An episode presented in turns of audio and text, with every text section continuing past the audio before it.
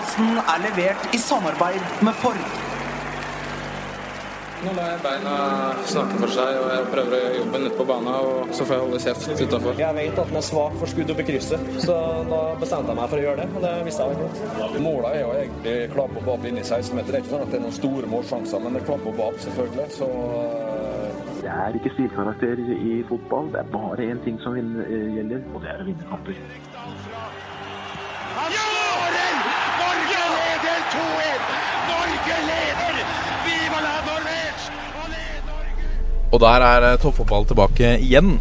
Denne gangen eh, i en, eh, en Ford Edge. I eh, et, et kjøretøy. Altså det er en, det er en rullende En rullende podkast for første gang. Ikke for første gang i historien at det er en rullende podkast. For første gang i historien at Toppfotball-podkasten er på hjul mens vi spiller inn. Kan vi si at vi er på veien? Vi er på veien. Vi er on the road. Vi er på riktig kurs. Det er vi. Og nå er- foregriper dere begivenhetene og kjøreplanene. For jeg skal jo selvfølgelig introdusere dere på samme måte som vi pleier. I baksetet, for å illustrere for lytterne. På venstre side i baksetet. Joakim Bårdsen, eh, velkommen. Tusen takk for det. Hvordan, eh, hvordan har du det? Altså Nå har jeg det greit. Jeg prøver å få på meg belte, sånn at vi følger loven. Ja. Ehm, men eh, under denne introduksjonen så tenkte jeg at jeg hadde ikke forestilt meg å sitte i baksetet på en eh, bil seint en eh, kveld i midtuka her eh, for eh, en måned siden med, med dere tre, for å være helt ærlig. Men eh, det er veldig hyggelig. Ja, for Moderne Media Studio ligger jo i Brugata midt i Oslo. For de som er kjent her, så er det Det er litt, litt alternative aktiviteter som foregår på kveldstid. Og jeg tipper at Det var en del som så rart på oss når de, når de gikk forbi her for ikke så veldig lenge siden. Ja, for vi sitter rigga opp i, med lydutstyr i en svær, svart Ford, altså en SUV, midt i en av sidegatene. Og det, er, eh, det så litt rart ut, tror jeg. Uh, Jørgen Kjernås, Hallo, hallo. Takk for det. vi har henta deg også. det. Jeg fikk lov til å være med. Det er, er veldig hyggelig. Det er veldig bra du er med i dag. Og du og Bårdsen er jo i spissen for når vi skal snakke om eh, serieoppsett i 2. og 3. divisjon. Ja, Det gleder vi oss veldig til. Det, vi to var jo på en pubquiz her på pokalen, Martin. Da kalte jeg vel dette for julaften når uh, serieoppsettet kom. Så julaften var på lørdag. Og eh, vi skal jo ikke glemme deres eh, de, Dere var tøffe i diskusjonene i, i forrige episode, uh, Bårdsen og Kjernås. Jeg gleder meg til å høre litt eh, juice eh, denne gangen også. Ja, jeg tror vel vi er ganske samstengte på hovedpoenget, og så får vi Altså, Oppsettet har iallfall skapt eh, enormt sterke reaksjoner blant eh, mange, og kan vel begynne med å si at det er forståelig. Vi må ikke glemme vår eh, kjære sjåfør. eh, Lasse Wangstein, velkommen. Takk for det. takk for det Får han, lov, å får han lov å snakke? Ja, han, han får faktisk lov å snakke. Altså Hvis du skal nekte Lasse Wangstein å snakke som en del av denne podkasten, det er helt nytteløst. ja, det hadde, Jeg syns det hadde vært litt trist om jeg bare ble henta inn for å kjøre dere rundt i byen i dag. Det. Det, men jeg hadde takla det òg, tror jeg. Nei, jeg hadde ikke det, vet du. Du er glad i å kjøre bil, Wangstein. Du Du- insisterte på å være sjåfør. Ja, jeg sa jeg kjører gjerne bil. Jeg syns det er gøy, med, gøy å prøve nye biler. og jeg er glad i å kjøre bil. Eh, Jeg bor jo landlig til, eh, og er født og oppvokst ganske landlig til, så å ha bil er, har vært viktig i mitt liv. Så da Men da må Jeg- jeg få lov til å spørre, som ikke har kjent det hele livet, hvordan ble du en ihuga Vålerenga-supporter? Åh, den, eh, den er litt spesiell. Eh, Mine foreldre drev et eh, hotell oppe i Valdres, et høyfjellshotell. Før det så hadde de drevet et hotell i Ås. Der var det et band, et danseband alle ting, som heter Nordre Sving. danseband? Ja, eller det var jo egentlig det på en måte det, ja, som heter Nordre Sving. Og de hadde en del låter, de er jo da oppkalt etter Nordre Sving på Bislett, hadde en del låter om Vålerenga. Som jeg syns var litt eh, spennende å høre om. Altså, jeg, det var et eller annet som trakk meg i den retning, og da vi flytta ned her eh, på Østlandet eh, i 596, så tok det ikke veldig lang tid før jeg sto på Bislett sjøl for å se hva dette handla om, og da var det gjort. Det er kortversjonen. Da var du solgt. Da var jeg solgt. Var det Pascal Simpson som, som gjorde det for deg? Ja, det er han med mer, kan vi vel si. det var, han var ganske mye, han da. Ja, han var mye. Det var mye av Pascal Han var mye, mye av Pascal, eh, så det, han var eh, bidragsytende til, eh, til det. Jeg pleier å si at den dagen jeg virkelig skjønte det, var den dagen Vålerenga rykka ned mot Sogndal i 2000. Den dagen jeg eh, eh, fikk sympatier med Vålinga var da jeg så Pascal Simpson tape i en duell mot Arild Berg. uh, for de som kjenner Arild Berg, så vet de at det er ikke, et, uh, det er ikke luftens baron. Um, vi må eh, snakke litt om hva vi skal i dag. Altså, hvorfor er vi Altså Først og fremst eh, Grunnen til at vi sitter i denne bilen, er jo fordi at uh, podkasten lages nå i samarbeid eh, med Ford. Og Ford har lånt oss denne uh, Ford Edge, heter, heter uh, bilen, Wangstein. En nydelig bil å kjøre. Ja, ja, Du syns det? Ja, det syns jeg. Uh, sitter høyt, har god oversikt. Eh, Behagelig. Rett og slett behagelig. Er det, litt, det er litt eh, i kassa på den her også? Det er, altså, vi, har, vi, vi har kjørt eh, i byen hvor det er maks 50-soner så langt. Jeg har ikke turt å prøve, for jeg holder mitt førerkort kjært. Absolutt. Absolutt. Holder du ditt førerkort kjært, Jørgen Kjernås? Ingen kommentar. okay. Åpna for spekulasjoner her nå. I dagens eh, sending så, så skal vi snakke om uh, Lillestrøms uh, cupgull. Eh, og Strømsgodsets eh, vanvittige snuoperasjon. Eh, I tillegg så har vi et par spennende e-poster fra i e-postkassa. Annet fra vår eh, trofaste bidragsyter Benjamin Sears. Eh, og en, eh, en jente som velger å være anonym, for hun er sterkt kritisk til Strømsgodsets talentutvikling. Det skal vi utfordre Håvard på etterpå. Og så- Apropos Håvard. Ja. Tror vi nesten er framme her, altså. ja, for vi er jo ute og kjører for å plukke opp uh, Håvard uh, Lilleheie. Uh, og her begynner vi å nærme Skal vi ringe han? Det er vel sånn at hvis ikke fjellet Nei, Mohammed kan komme til fjellet, så må fjellet til Mohammed. Var det ikke noe sånt da? Ja, det er et eller annet sånt. Her tror jeg vi er, altså. Vent, da. Skal vi se. Tut. Der står han, jo. Der, der står han, vet du. Må ikke ringe han nå.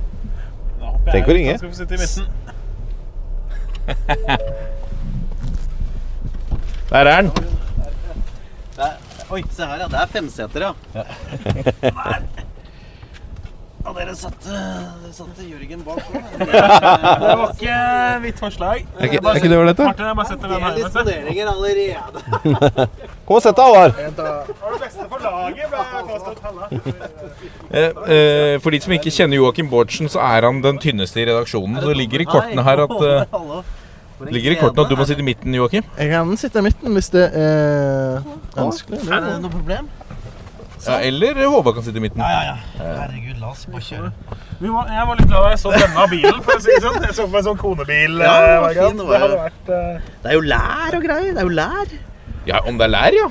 Lær i setene. Ja, det må jeg si. Dette er pent. Dere to, uh, Håvard og Joakim, deler, uh, deler mikk. Det, det, det er mottatt, og det er greit. Vi deler, ja. Her, ja. Det er en ære å ha deg med igjen, Håvard. Vi måtte, jo, eh, vi måtte jo hente deg hjemme for at du skulle bli med. Ja, men nå er sønnen min er lagt, og nå har jeg liksom fått gjort unna alt. Så da er det greit. Da, da, da syns jeg da går det fint. Ja. Eh, altså som Ja. Da er det hyggelig, veldig hyggelig å være tilbake. Ja, ikke sant? Det må jeg si etter all denne tiden. Ja. ja. Hvordan har det gått med Jon Almaas og, og prosjektet deres? Nei, det har gått greit. Det har Ja, vært det. fine, fine, fine tall, er ikke det de sier? I den delen av lineærbransjen. Tallene for Det er fremdeles lineærtall, og det er hyggelig. ja. Dette er toppfotball. Og da har vi kommet til eh, ukens eh, fokus. Um, denne spalten, uh, splitter ny spalten i samarbeid med, med Ford. Og i eh, ukens fokus, eller Fiesta, heter denne spalten. Og vi begynner med, med en Fiesta. Forrige gang så hadde vi et fokus. Denne gangen så har vi en Fiesta. Fordi vi må snakke om, eh, vi må snakke om Lillestrøms fantastiske cupgull. Det var, Vi satt og snakka om det i, eh, i sendinga. Hva om Arne Erlandsen nå tar innersvingen på alle og går ut i et Altså uvant for Lillestrøm. eh, Svært offensiv, høyt press. Hva vil skje? Hvordan vil Sarpsborg takle det? Og det takla de ganske dårlig, eh, Bårdsen. Ja, de ble jo sjokka, akkurat som eh, Lillestrøm håpte på. Og Kinn Michaelsen sa det i pausen òg, at de skulle ut og sjokke Sarpsborg igjen i andre omgang. Noe de lyktes uh, greit med det òg, men skåring etter et drøyt minutt der uh, tar uh, Sarpsborg på senga. Zakariassen med to fæle klareringer der, og så leder Lillestrøm 2-0. Men kan ikke akkurat si at uh, dommer uh, Hobber Nilsen hadde sin best match, uh, han heller. Ja, for Han sleit litt i, i starten her. Var du på stadion, uh, Håvard? Nei, jeg var, jeg var i bil eh, på vei fra København, så jeg hørte på cupfinalen. God gammeldags radio. Ja, ja, med Tråden og Kalle Løken. Det, er jo alltid, det, er jo, det blir jo veldig levendegjort sånn, du, når, når du får nytt det på den måten. Det er jo ekstra spennende med tråden. da.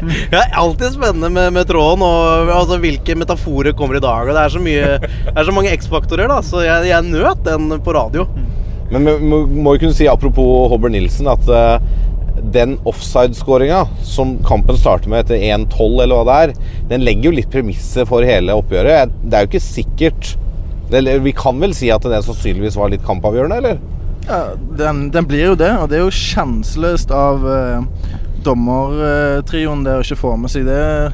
Eh, det er jo en eh, offside på en, en, meter, så det er svakt. men jeg vil si til Linemanns, eller assistentdommeren heter det, til hans forsvar, så er det ser ut som han er på vei fremover i banen da han tror ballen skal bli klarert. For det er jo en klarering som blir blokkert. Og, så, og da havner han jo helt på feil side.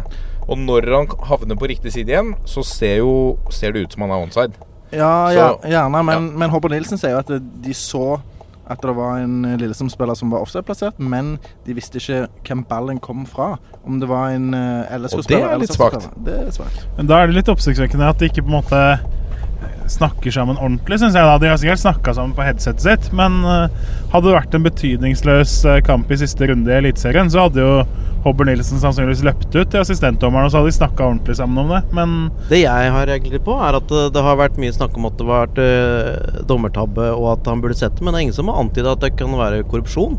det, det, har vært helt fraværende. Det er helt fraværende argumenter i offentligheten etter cupfinalen. Jeg tror ikke Lillestrøm sportsklubb har råd til å drive med korrupsjon. Men jeg syns det er morsomt at Håvard, som satt i bilen sin og hørte på Olav Tråen og Carl Petter Løkken, klarte å tenke korrupsjon ja, ut fra kommenteringa. Er. Jeg sa det, jeg sa det til Randi med en gang. Dette her, dette her lukter seg. Dette her lukter. Her er det penger under bordet, sa jeg. Men, men uh, hva, hva, kunne Geir Bakke gjort annerledes her, Jørgen? Fordi uh, Nei, altså, dette var litt tappe. Ja, altså, det, de virka jo ikke helt klare for det lille som kom med. Uh, man kan jo snakke mye om innledninga, at Lillestrøm hadde en helt annen mentalitet. Jeg syns nesten denne 3-1-skåringa er det verste. Jeg, da. At uh, Lillestrøm får sette opp et ganske enkelt sperretrekk som gjør at Frode Kippe får gå opp aleine på fire meter uh, og heade. Altså, en keeper må egentlig ut der, men jeg skjønner jo Han er jo ikke en keeper som våger seg ut så mye som han kanskje bør. at de la Kippe få gå opp der, da har du ikke gjort hjemmeleksa på dødballer. Altså. Altså, er det vanskelig for Kristiansen å komme ut. Han ble ja. pressa inn der av to mann. Men at Kippe får gå på fem meter og heade upressa, det, det, går ikke. Men, men uh, jeg følte det var noe litt sånn off med Sarpsborg der til å begynne med. Jeg uh, vet ikke om anledningen ble litt for stor, det er jo egentlig ikke det, men at de ikke hadde rett spenningsnivå da når matchen begynte. Ja, det var noe tamt over de, men jeg tror det vel så mye er det sjokket som Lillestrøm og Erlandsen ga de i starten. Ja, for dette her Det, altså, det handler jo om gamle Det er jo gamle sirkushesten Erlandsen. Han værer Nå har jeg en sjanse. Nå har jeg en sjanse til å stå igjen som champ her. Og alle som veit litt om Arne Erlandsen, da spiller jo han høyt. Ja. For han, han veit også at hvis Lillestrøm går på et tap mot et mye bedre plassert uh, Sarpsborg 08 i den finalen, så er det ingen som henger den. Da er det OK, vi kom oss til cupfinalen, vi har ikke penger, det er vanskelig, sånn og sånn. Arne har ordna det. Men han tok en sjanse, og han lyktes, og han står igjen med sitt tredje cupgull. Ja, så så jo Lillestrøm selvfølgelig ekstremt godt organisert ut, som de alltid er under Erlandsen. Men forskjellen var jo at eh, i motsetning til tidligere i sesongen, så sto de ekstremt høyt i store deler av kampen. Eh, mens de har ligget veldig lavt uh, i flesteparten av kampene før i sesongen. Det er litt samme LSK som vi så i vinter, nesten. Da prøvde de på en del av det samme. Uh, de var jo veldig gode et par av treningskampene. Uh, nesten så de ikke turte det i serien. Ikke helt våga tro på at det var noe de kunne få til når det telte. Og så tok de litt fram den resepten igjen nå i sesongens viktigste og største kamp. Men hvor, hvor mye kan vi kan vi sette på altså hvor mye av æren skal Arne Erlandsen Nå vant Han cupen Han vant cupen i 85 som spiller, og nå tok han den første gang som trener. Han vant jo også cupen i 91 som Ja, ja, det gjorde han. Det gjorde han som spiller. Ja, ja, ikke sant. Ja, ikke sant. Helt tilfeldig. Riktig. Men, men, men jeg mener vi så i forrige, eh, i forrige episode at Lillestrøm har skåret noe sånt som 16 mål på, i, eh, på kvalifiseringskampene Eller i, på, på, i rundene så langt. Mens Sarpsborg sto med 27 eller noe sånt nå.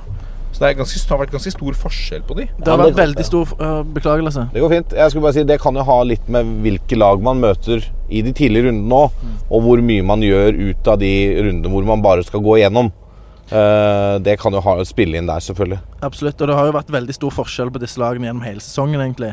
Men uh, som Håvard er inne på her, i en enkeltkamp som en finale er, så viser Erlandsen at han er taktisk veldig god.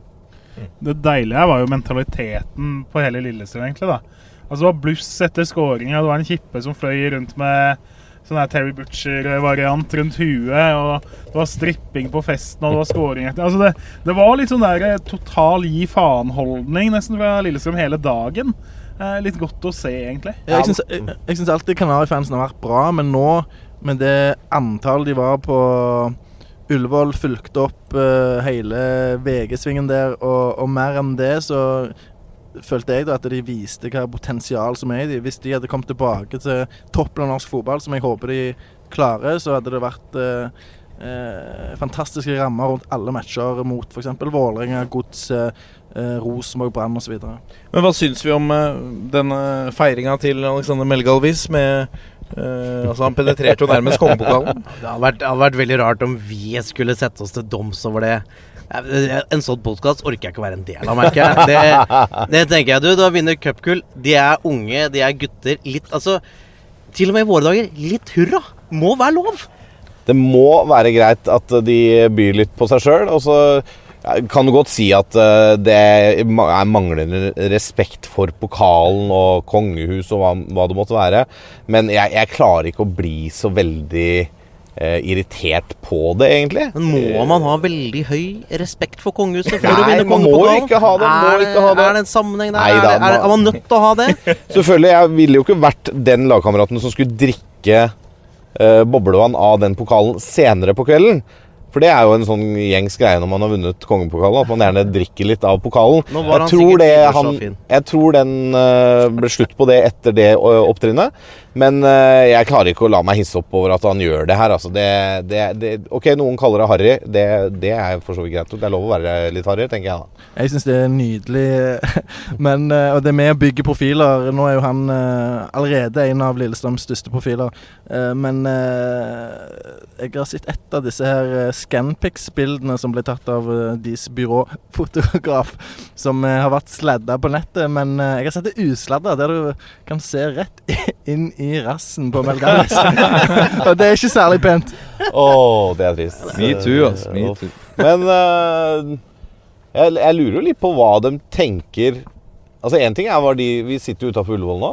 Vi tok en tur hit. Det passer jo godt. Norsk Fotballforbund. Akkurat nå oppdaga Martin det, Jeg at vi har stått her i fem minutter. Parkert utafor Ullevål. Her jeg, er vi. Eh, jeg lurer på hva de, Vi vet jo litt hva de sier utad, men jeg lurer på hva de tenker innad om uh, den, eh, det stuntet. De bryr seg ikke. Nei, det er ikke veldig sant? rart hvis de skulle bry seg. De, det er oppmerksomhet, det er presse, og det er Vet du hva? Den norske cupfinalen er jo ikke det nasjonale eventet den gang var, fordi fotballen har forandra seg. Vi har, vi har som i internasjonal fotball alt som på en måte setter norsk fotball og norsk cup på kartet. Som denne finalen gjorde. Den hadde mange poenger.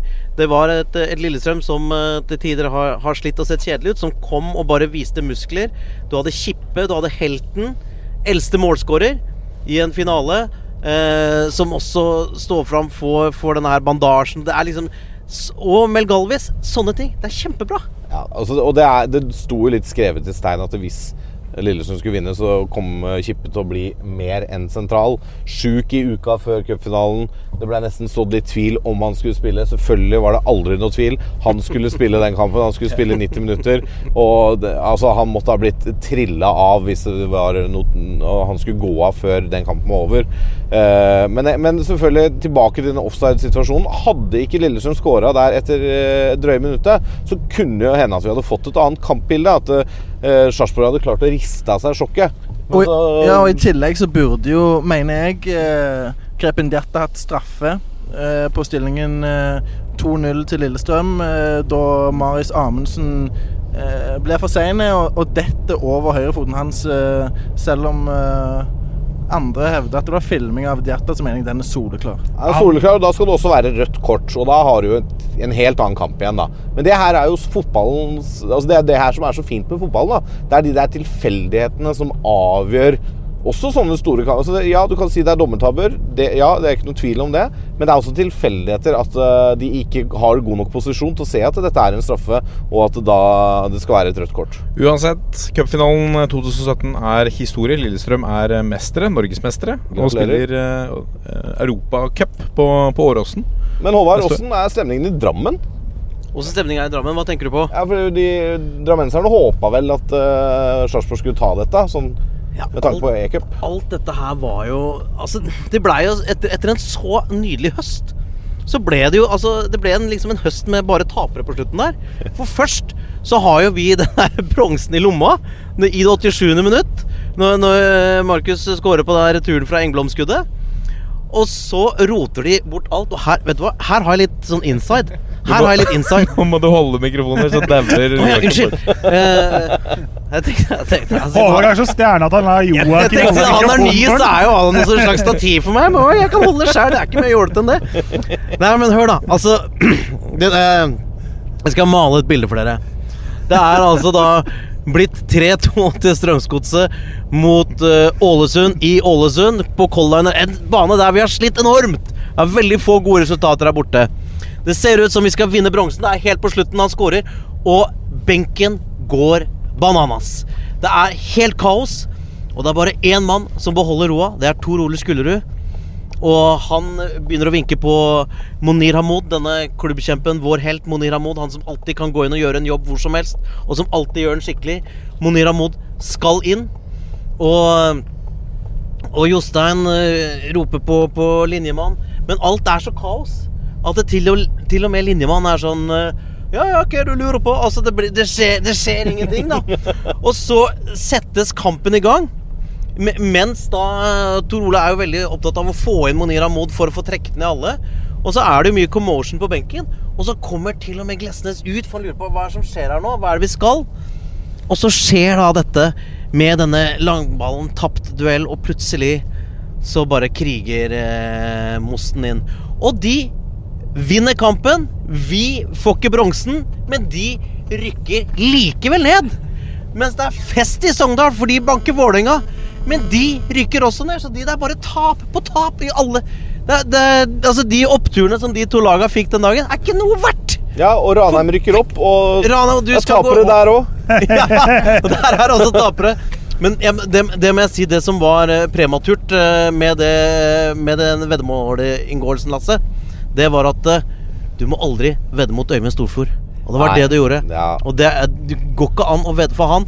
Hvis bare alle i klubben gjør sånn som Øyvind sier, i forhold til profesjonalitet og inngang til trening og kamp, så blir det bra. Ja, men ikke sant? Dette hadde jo jeg visst om du hadde vært i studio eh, Ja, ja, ja. før i kunne dag. jeg sagt Du må aldri vedde mot Øyvind Storfjord og Lasse Og dette, dette veddemålet ble inngått til og med før kampen mot Mjøndalen. Ja, ikke sant? Ja. jeg tenkte at ja, Mjøndalen tar jo dette på hjemmebane. og Mjøndalen er hjemmesterk og tjo og hei. Nei da, så nå blir det Birken, da. Det, jeg syns jo det er helt nydelig. jeg, Da. Det, det er jo litt gøy. Det, det er det la jo en ekstra piff på det. eh, og så får man liksom få snaps av Lasse Wangstein en mandag kveld som er ute i skauen og tester føre, riktignok på beina. Det, Skal du ha felleski, eller skal Ja, du gå med vanlig vanlige tradisjonelle? Nei, jeg tror jeg går for feller, Du altså. går for felleski. Ja, jeg så tror jeg er bra med din eh, skiteknikk. Ja. Skiteknikken er ikke så ille. Det er mer formen jeg er bekymra for. Eh, og så tror jeg faktisk at jeg går fredag. Litt mindre folk og litt bedre løyper, rett og slett. Men du må jo gå når det er løp! Ja, det er løp på fredag òg. Er det det? Fredagsbirken. Hva er det for noe? Fullgod Birken, det. samme greia, bare på fredag. Hva? For de som ikke har fått det med seg, så inngikk en høy og mørk eh, Lasse Wangstein et eh, bråkjekt eh, veddemål med seg selv. Om, eh, og dette var før eh, Mjøndalen-kampen. At eh, dersom Ranheim For du hadde ikke troa på Ranheim nok en gang, eh, Wangstein. Hadde ikke det. Dersom Ranheim gikk opp, skulle du gå Birken 2018. Det stemmer. Og så så det mørkere og mørkere ut, og nå er det på ditt mørkeste. Nei, jeg, nå er jeg liksom over det mørkeste. Det var ganske mørkt på lørdag når jeg logga meg inn på birken.no og, og, meldte meg på. Ja. Da var det litt mørkt. Og, og begynte liksom å google sånn Hvordan komme i form til Birken. Når er det? Det er 17. mars. 17. mars, ja. 2018, ja. Det Det er er, en god tid. det er vel 100, 100 dager i dag, tror jeg, til Fredagsbirken. 100 dager? 100 dager. Men har vi noe resultatmål eh, ennå, Å komme i mål. Merke. Nei, Merke. ikke noe merke.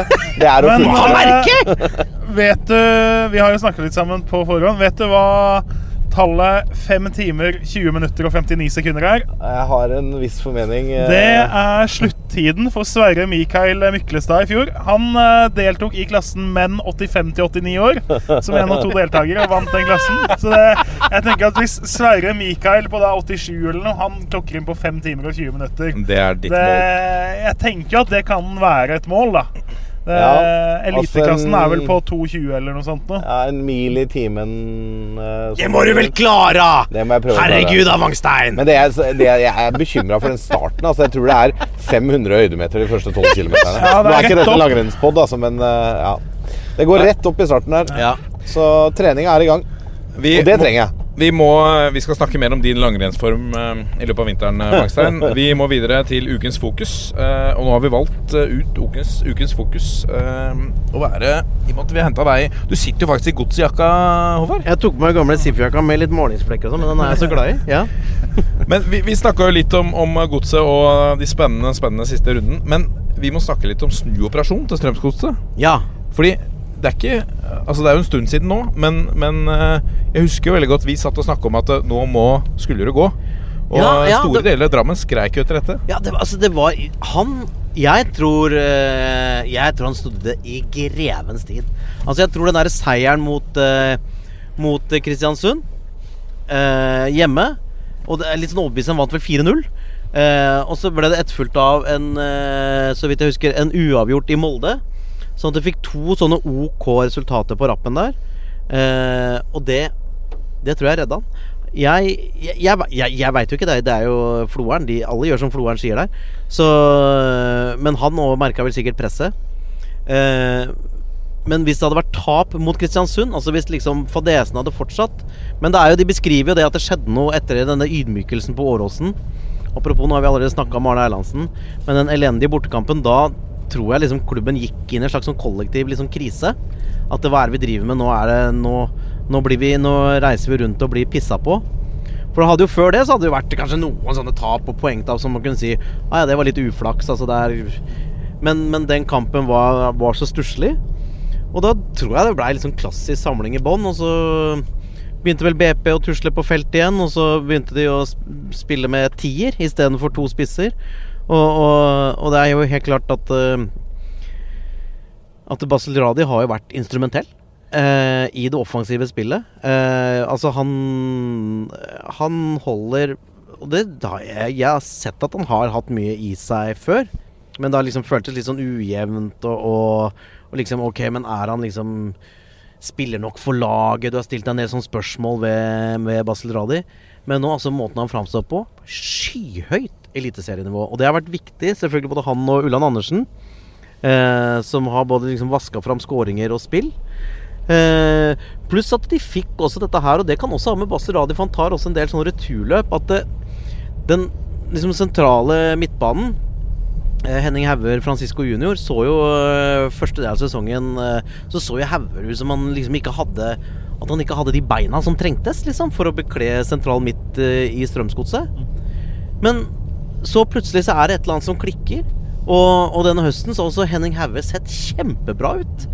Sånn at det er eh, Det er så rart, Jørgen, de små Jeg tinga. er helt enig i det siste du sier der. Jeg syns jo Henning Hauger og junior og, altså, De fant ikke løsninga på midten her. Det var svære rom. og eh, De hadde liksom ikke noe plan som funka godt, og så hadde de ikke noe plan B. Det blei liksom litt sånn Det ble lett å angripe godset, og så var ikke godset gode til å angripe selv. Det er jo den veldig enkle måten å si det på. Eh, Så at de la om litt og fikk Gerrard inn, og at han har vært i storform, det, eh, det har løfta laget. Og så har de sett sett litt bedre ut fysisk, litt bedre ut selvtillitsmessig. Eh, litt flyt, hatt matchvinnere. De har jo vært et bra lag. Altså, hadde, hadde sesongen vært avslutta idet du har spilt 90 minutter i Ålesund, så hadde det jo vært terningkast sju på den høsten. Ja. Eh, og så er det de siste minutta som ødelegger helhetsinntrykket, da. Det gjør det jo. Jeg eh, prata faktisk med, med Skullerud tidligere da Gitte jeg hørte at vi skulle diskutere dette her. Og han Det var jo egentlig som å høre Håvard prate nå. For han sier akkurat det samme. At det, eh, den omleggingen fra to spisser til å få en Gerard i mellomrommet der var nøkkelen. Og i tillegg da så Men så, han vil ikke helt gå med på at det var så dårlig på våren. Eh, som mange vil ha det. Han mener at det var marginer, det var mye stang ut, det var mange uavgjort-kamper som de klarte å vippe til seirer på høsten osv. Men i tillegg da så klarte de å stramme opp defensivt. Glesnes eh, ble plutselig eh, en av Eliteseriens beste stoppere.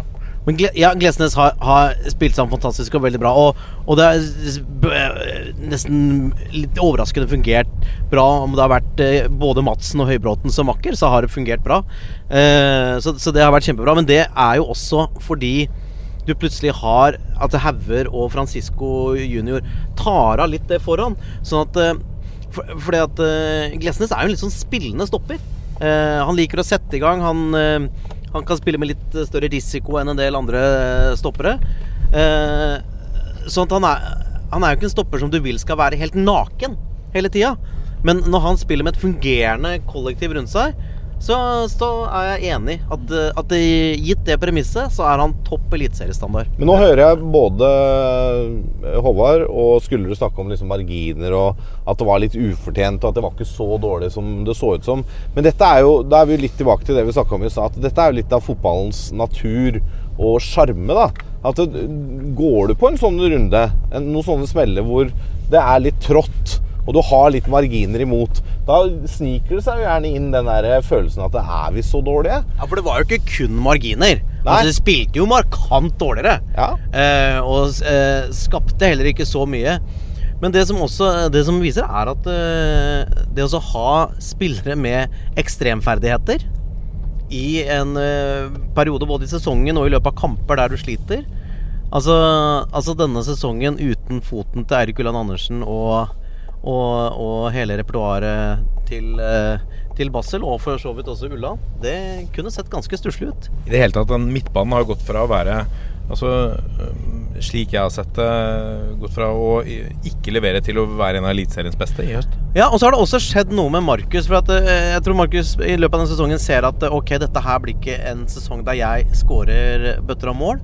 Og så har han Det, ja, det syns jeg han skal fortjene litt kred for. Han har på en eller annen måte blitt litt voksen. Han har liksom tatt på seg litt den der jobbespissrollen. Ja, men det har han vel alltid Han har alltid jobba som spiss, han. Han har alltid jobba som spiss, men han har jobba kanskje enda mer for seg sjæl før. Jeg vil si at det er en litt sånn endring Han, han ser at eh, eh, For denne høsten så har det vært spillere som har vært større stjerner i godset enn Markus Pedersen. Uh, og det syns jeg han har liksom er rett og slett respondert ganske Han har jo han putta litt, og han, har fått seg noen kasser, men det er, eh, det er jo det er jo og Basel og Eirik uh, Ulland Andersen som har liksom vært de store Tokmak også har vært bra til tider, men det er jo de to som står fram som de to store offensive profilene. Men han har stått fram og gjort liksom den tatt den grå jobben litt. Ja, Vi snakka litt om det i forrige eh, episode da vi plukka ut eh, årets lag. Og vi havna vel på både Gerradi og Ulan Andersen til slutt, på det laget. Mm. Eh, og det var jo litt også på bakgrunn av at de har vært så viktige, de målpoengene de har produsert i en sesong hvor Markus Pedersen har underprestert. For på, i målpoengstatistikken så har jo Pedersen underprestert, må vi kunne si. Ja, og både Gerradi og Ulan Andersen står jo med det er 16 eller 17 eh, målpoeng hver. Eh, så det er jo ville tall. Jeg tror Ulland har eh, ti skåringer og Gerradi ni. Eh, og så har Det er 11 og, 11 10, faktisk. 11 og 10, ok. Og så har Gerradi en mer assist. Men eh, eh, Så det blir spennende å se da om eh, eh, fortsetter i godset til neste sesong. Jeg har hørt at det, det skal være en del interesse rundt han. Eh, så det blir veldig spennende å se. Jeg har også hørt at det er noe interesse rundt det, men jeg har også hørt at foreløpig er det ingenting som er sånn helt konkret. Og i hvert fall ikke konkret og bra nok. Og jeg det, Altså, han kan godt forsvinne, og disse tinga forandrer seg jo, men jeg tror at de de selvfølgelig ønsker å ha Basel Radi i hvert fall fram til sommeren. Og, og kunne selge han da i et eh, I det internasjonale hovedvinduet mellom sesongene der. Eh, ikke sant, For nå har jo Pellegrino kommet inn, og sånn ikke sant, og man, måtte, eh, man ser kanskje for seg at man kan begynne å forberede et liv uten eh, Basel Radi, men jeg tror de har lyst til å ha med han i hvert fall vårsesongen. Men har Godset råd til å beholde han? Er økonomien god nok til at eh, de- hvis det kommer et bud på 10 millioner, De, så de har jo fått inn ganske mange millioner for Ødegaard-salget, bl.a. Ja. Så økonomien bør jo være grei, tenker jeg. Ja, de styrer mot et underskudd i år. Det, det Så mye veit vi at det, det Og det har jo på en eller annen måte Det har vært noen ting som har, har glippet litt for de økonomisk, både med forhold til medalje og noe han eh, De venta på noe opprykkspenger, eh, opprykkspenger for han eh, eh, i Eintracht Brun- Valsvik, Valsvik. Selvfølgelig. Unnskyld. Mm. Og så røyk opprykket der, og der var det noe sånn som forsvant. Sånn at det har vært litt sånn stang ut eh, på pengefronten. Men eh, jeg, jeg håper ikke de selger Basel for 10 mil.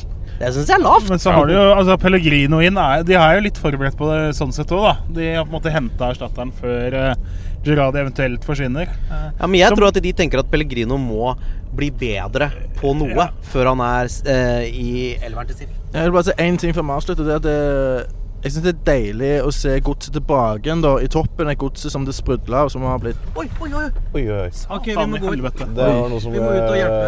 Der var det Bare. Shit.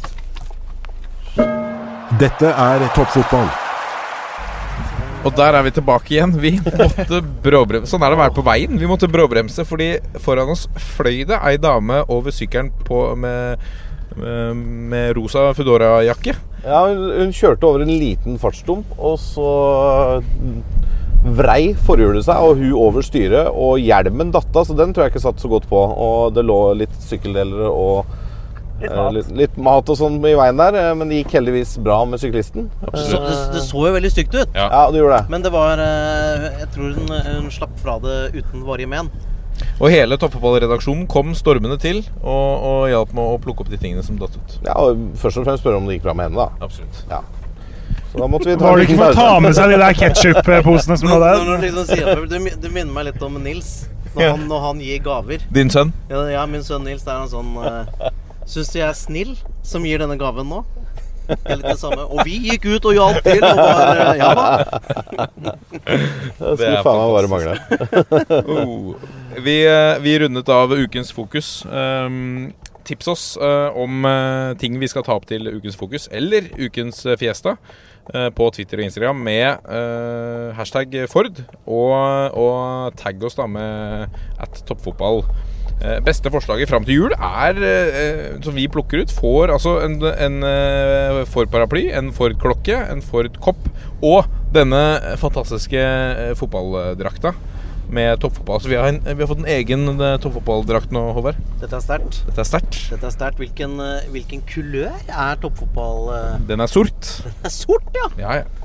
Ja, det vil jeg si, det er, hvem, hvem er som ja, Det er jo noen som har sort som andre- og tredjedrakt. Det er jo Ja, Rosenborg har jo sort som Rosenborg har jo sort som andredrakt, og den er jo pen, den. Jeg har sjøl spilt i sort. Uh, spiller sort nå, faktisk. Sitter på den med under et par lag med klær. Bøkeby sort. Bøkeby, det- ja. er en Vålerenga er du som tredjedrakt. Tredjedrakt. Sort, ja. Sort, ja. ja. Dette er en sort Adidas-drakt, altså med Ford-logo på brystet, og den nydelige toppfotballogoen uh, uh, på venstre. Coveret har blitt en logo der, altså. Ja, Så bra, da. Ja, fint. Ja, en pen. Dette er toppfotball. La oss, eh, la oss fortsette. Vi har kommet til e-postkassa. Uh, og vi, uh, vi utropte Jørgen Elland til uh, ligamester i toppfotballigaen i Fantasyligaen. Og eh, Jørgen Elland, som vi etterlyste i episoden. eh, og mistenkte at kanskje han er bare en av de som har meldt seg på denne ligaen for å vinne treningsjakka til Bjørn Hansen. Det er bare fordi du er så, eh, du er så skeptisk til folk, eh, Martin. Jeg er Altså, du tror det. folk. Har dere funnet Jørgen Elland, eller? Vi har funnet Jørgen Elland. Og Han svarte jo fort, gjorde han ikke han svarte veldig Så han må jo ha hørt på episoden, Ja, ja, absolutt. Han eh, skriver at hei, kan først og fremst bekrefte at jeg er en fast lytter og stor tilhenger av podkasten deres. Ikke en kynisk røver som har bare hørt et rykte om denne legendariske jakken. Ja, Nydelig. Endelig er det noen som er i stand til å fokusere på de positive sidene av norsk fotball, til tross for alle manglene den måtte ha. Jeg setter stor pris på premien, selv om jeg tviler på at den vil passe min 194 cm lang kropp. Han er høy. Han er høy. Svær Jørgen Elland. Som Men de var jo veldig, de jakkene på den tida var jo gode og romslige òg. Ja, så hvis han absolutt. er høy og slank, så tror jeg det kan gå. Shortsene var det mer verre med. De var korte. De var, de var korte ja. Litt for lange ifølge Myggen. Um, som et tips til neste års premie, eller som en tilleggspremie allerede i år, foreslår han en, eh, at ligamesteren kan delta i en episode av Toppfotball. Og at han skal være med! Ja, det vil gi Toppfotballigaen, sier han, enda mer prestisje. Ja, nei, jeg syns det er et godt forslag. jeg. Det liker jeg. Seg på en Meget, ja, ja. måte der, synes jeg. Skal vi bare si velkommen skal du være? Velkommen skal du være, Jørgen. Jeg vet at Jørgen skal på utveksling nå et halvt år, eh, så han vil gjerne komme til sommeren. Og da sier han at han har et par ting han gjerne vil ta opp. Oi! Så- Allerede? Allerede. Må du, da må du huske det, Jørgen, at mye kan endre seg på seks måneder i fotball. Ja. Ja, men Det er jo helt nydelig. Ja, det er helt nydelig. Kjør på. Vi gleder oss til å ta deg imot, uh, Jørgen. Så skal vi til en e-post fra Anonym jente. Uh, hei, Hei. Anonym jente. Takk for den beste podkasten om toppfors- norsk toppfotball. Dere er også den eneste, så vidt jeg kan se. Da er det jo enkelt å være best. Ja, det, Det er ikke så enkelt, da. nei, det er, det, er, det er ikke lett å være på toppen hele tida. Nå, uh, Her kommer et spark til Drammen, uh, Håvard. SIF har ikke produsert en eneste landslagsspiller Nei, unnskyld. En eneste egen A-lagsspiller A-lag.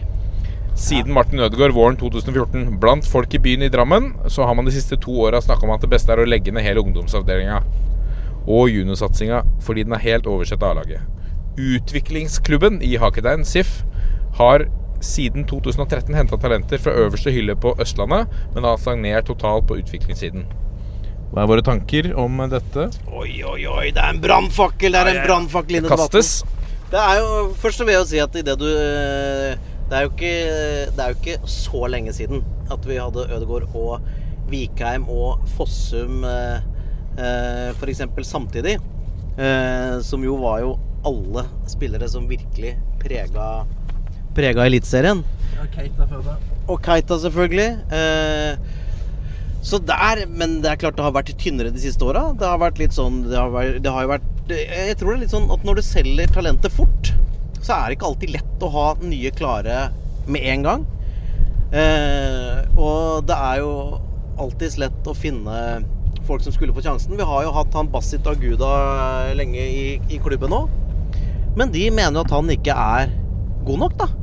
Og de han har mener fått det litt samme om- tillit til å score for A-laget, har han ikke det? Hva? Har han ikke scora litt for eh, A-laget også? Han har litt for A-laget. Ja, Han har ikke fått spesielt mye tillit. Han har utlånt til Strømmen òg denne sesongen her. Men um, Ik Ikke Agoda. Jeg var ikke Agoda utlånt til Strømmen uh, deler av denne sesongen her. Det er Bredli som var der.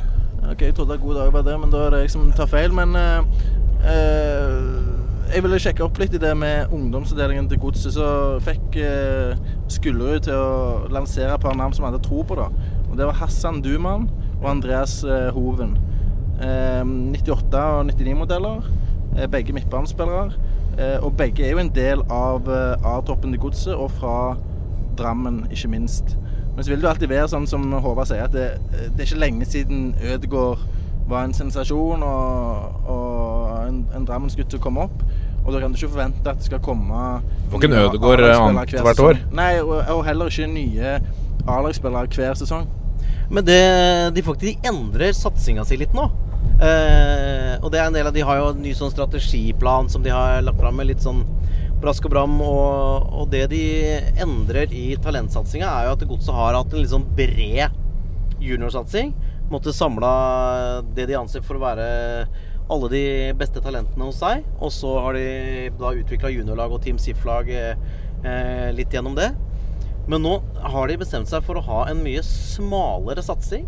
Eh, og heller innlede liksom tettere samarbeid med klubbene. At de, de vil ha den, de én til to beste skal være i godset. Eh, og utvikles der og, og fases inn.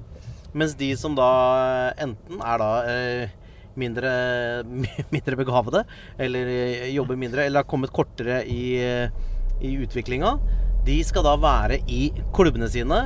Komme inn, hospitere litt, ha noen økter, men være da Åsia og Konnerud-spillere og, og sånne ting først og fremst. Og det må jeg si altså med tanke på Hvis vi, hvis vi liksom aksepterer det premisset at alle eh, norske klubber unntatt Rosenborg ikke er spesielt store klubber hvis vi, hvis, hvis vi aksepterer det som sånn Det er så store vi er i norsk fotball, så tror jeg det er kanskje ganske smart. Ja. Det var et eh, bra svar det til anonyme jente. Det er det beste, det er det beste vi har. Ja, be- Det er beste, det er det beste svar vi har. Men eh, tenk om det hadde vært, tenk om det hadde vært eh, ti Drammensgutter hvert år da, som var helt konge. Ja, men ikke sant? Det er jo det alle klubber drømmer om. Det er å hente opp disse fra lokalmiljøet som eh, går rett inn på A-laget og herjer og holder dem oppe i toppen av Eliteserien. Men det er jo ikke realistisk. Får du, men får du Altså, hvis du klarer å få én bra fra hvert trinn, det er en kjempeprestasjon. Ja, det, ja, det er en kjempeprestasjon. Hvis du klarer det, Og det, det er det også er ganske urealistisk å få til. For det er noen år mellom de helt store. Altså Det kommer ikke som vi sier en Ødegård hvert år. Nei, men så tror jeg også ofte det ikke skjer fordi klubbene ikke er gode nok. Fordi man Altså, det der er jo vanskelig. Man er jo, når du driver en fotballklubb, så er du nødt til å tenke litt kortsiktig.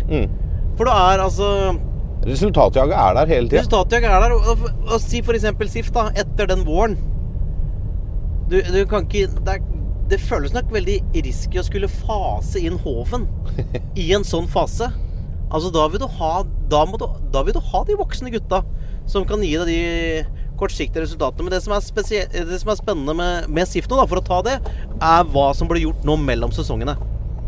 Og det, det vil vi se Hva får vi se i treningskampene av lokale unggutter, og hvem er klar til å ta steget og kanskje bli kanskje 13.-14. mann, da, når serien starter. Ja, for disse ungguttene de må jo ta sjansen når de får den òg.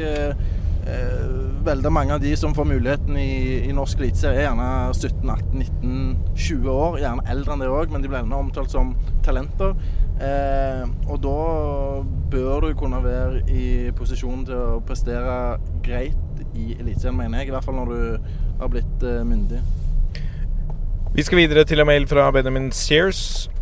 Hvilke klubber kommer til å miste flest nøkkelspillere før neste sesong? Hans eh, tips er Sarpsborg 08. Eh, og Da ramser han opp Diatta, Rosted, Zakariassen og muligens Heins. Hva er altså- dine tanker om det? Og så avslutter han selvfølgelig med Forsa Ranheim, og den er til deg. Maxstein. Takk for det, Benjamin. Kjernås, hva er dine tanker om dette? Heins tror jeg jo først og fremst blir, da, for å starte med det siste. Han signerte jo ny kontrakt for ikke veldig lenge siden. Er ikke helt fast på laget, er ung, har tida foran seg. Altså, det er veldig overraskende om han forsvinner. Eh, Diatta får vi jo nesten tro forsvinner. Der sier jo Thomas Berntsen at man er egentlig overraska om man får gå til sesongstart med han. Eh, eneste der er jo på en måte dette med at klubber kanskje er litt mer villige til å kjøpe på sommeren. Og litt enklere å på en måte finne riktig klubb som vil kjøpe på sommeren. da Eh, men all, alle klubber i Europa veit jo hvem han er nå. Eh, og veldig mange syns at han er så spennende at de har lyst på han. Så Og Diatta har sagt sjøl at han ønsker å ta steget ut Ja. nå, fordi han vil styrke muligheten sin for å komme med i VM-troppen til Senegal. Ja, og det, det, det poenget ser jeg, men jeg syns også Diatta bør ta med seg det med å gå midt i sesong i en europeisk klubb, kontra å komme inn i sommeren og få med seg oppkjøringen. Fordi jeg tror det styrker sjansene dine til å få spille i en ny klubb hvis du er med i hele oppkjøringa, enn å komme midt i sesong og liksom Kanskje klubben kommer til å slite litt og ikke tør å gå for han nye med en gang. Og da kan du Samtidig er han ganske rå. Jo da, men Han er eh, ganske rå, han har sjøltillit. Ja da, det, I det, spillestilen og alt. Altså, han har en sånn Han har en helt spesiell råskap. Men han brukte jo litt tid da på å slå gjennom i Sarpsborg 8. Altså, vi, vi satt og snakket om han og, og, og drømte, om, drømte oss bort og, og så prestasjonen han gjorde for Senegal, U20-landslaget, var det vel. Og så tok det jo Det tok jo nesten et halvt år før han var i gang. Ja, han ble matcha ganske forsiktig òg, Altså hvor eh, mye det skyldtes eh, han, og hvor mye det skyldtes at eh, Bakke heller ville bruke Lindberg, som var fantastisk i vårsesongen, det er jeg usikker på. Men eh, jeg tror at Djerta Diatta er en mann som kan ta nye, høyere nivåer veldig kjapt. Han har det som skal til med fart, med fysikk, eh, med den råskapen som Håvard nevner. Eh, og han ønsker seg sjøl til Frankrike først og fremst. Eh, og det tror jeg vil være et eh, passende og bra nivå for ham. Men tror vi, eh, tror vi at det er noen eh, hvilke, hvilke klubber tror vi kommer til å miste flest nøkkelspillere? Ja, det ser jo stygt ut for uh, Tromsø, uh, som har uh, mange spillere utgående kontrakt. Nå har jo Gamsten signert ny, så han blir med videre. Men uh, Gjermund Aasen er vel så godt som tapt for den klubben der. Eh, I tillegg så har du Brann som eh, Lene Olsen også på vei bort? Ja, Lene Olsen vil jo hjem. Har ei dame fra Moelven som Vil han hjem? Men hvem, hvem er Eller hjem og hjem. Han vil, Han vil bort fra Tromsø. Tromsø. Oh, ja, han, han, vil til, han vil til Østlandet? Ja. men hva er det da? Blir det LSK, eller? Hvem hvem er det som, hvem er det som henter den? Det høres jo ikke usannsynlig ut med LSK. Gikk det ikke et rykte om uh... Både Sarpsborg og Sandefjord Ja. sa vel litt at de fulgte med der, på en måte også. Uh, han har jo vært god i år. Han fikk jo elleve mål til slutt der. Uh, Gjermund Aasen har vært kjempebegeistra for i ti år nå, siden han var 16. Eh, De mister mye offensivt da hvis de to forsvinner, altså, men samtidig så får de tilbake Runar Espejord, da, som var skada nesten hele året. Så eh, de har på en måte erstatteren for eh, i hvert fall Lene Olsen litt sånn i laget. Og så har de jo uh, islendingen Aron Sigurd Larsson. Eh, han har jo mange venta på skulle være bedre den sesongen. her Han satt mye på benk, så de har jo på en måte to potensielle erstattere Ja. i stallen. Men likevel, det er et klart tap, og det, det er gambling å skulle gå for at de to slår til som han håper neste år. Ja, så har du Mikael Ingebrigtsen som uh, putter et solid antall uh, mål, men uh, hvis du ser litt på sånn Tromsø-godset, da. Ingebrigtsen eh, og, og Tokmak, f.eks., så er ikke de helt samme typene som Girardi og, og Gjermund Aasen. Jeg føler de to Det er litt mer pondus over de, da. Eh, men eh, Brann er jo interessert i Gjermund Aasen. eh, skal i hvert fall være det. Og han kan fort bli en erstatter for eh, Fredrik Haugen, som har kontrakt eh, som går ut snart. eh, har sagt nei til de siste tilbudene fra, fra Brann. eh, Han vil utenlands? Eh, ja, og, og Kasper Skånes òg er på vei bort fra Brann, så Brann òg får fort et par spillere som de må erstatte. Men hvor er det Skånes og Haugen skal? Noen som vet det? Er det noen rykter der? Er det noe, er det noe håndfast? Jeg har ikke hørt noe konkret, eh, så det gjenstår å se hva, hva tilbud Haugen egentlig har. Han hadde jo en fantastisk sesong, men, eh, men det er jo ikke bare til å, til å gå inn på et uh, internasjonalt uh, godt lag. Nei, det er ikke, og jeg, jeg, alltid, jeg liker han Kasper Skånes ganske godt. ass. Ja, jeg syns han. han er kvikk, fin spiller. Jeg så han mot oss nå.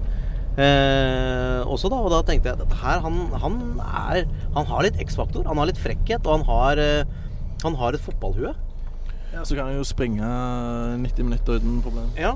Men jeg tror ikke det er usannsynlig at en klubb som Sarpsborg kommer til å miste noen eh, profiler. fordi at en, en i hermetegn da, liten klubb som har prestert så godt, vil alltid få fokuset retta på seg og på sine profiler. Men samtidig så tror jeg ikke det nødvendigvis trenger å være så eh, alvorlig for Sarpsborg. For de har vist før at de klarer å hente de riktige typene inn. Enten at de allerede har gjort det, eh, eller at de, de finner de riktige typene som erstatter eh, profiler som de får bra med penger for. Så jeg, jeg tror fort at Sarpsborg kan være det laget som da mister flest. Og Sarpsborg har jo allerede begynt å gjøre veldig mye på overgangsmarkedet. Eh, de har jo altså, det er mange som ikke får ny kontrakt. Jonas Lindberg er jo ferdig. Tor Øyvind Hovda, Alexander Groven, Torvio Meki er ferdig. Eh, han ja, Heieren Hansen, ikke minst. Eh, og så har de jo nå, etter cupfinalen, signert eh, kontrakt med to nye spillere. Eh, siste dag Usan? Skal vi se Usan Mohammed, som jo da tok bronse med Nigeria i OL i 2016. Eh, spilte da sentralt på midten. Spilte i Portugal. Det er, for alle av oss som sitter her, så er det et ganske ubeskrevet blad, med mindre noen av dere satt og så mye OL-fotball. Ja, men nå er, det, jo- nå er det jo blitt sånn at hver gang eh, Thomas Berntsen henter en ny spiller, så er det sånn Oi, da får du forventninger til, til den karen. Så, eh, og det gjelder jo de to de henta nå òg. Er det han Ateke som eh... Aneke? Atle Aneke, Aneke? ja, ja, ja. Det vet jeg ikke. Jeg vet ikke. Jeg vet ikke om det er at han ikke som holder i, holder i det.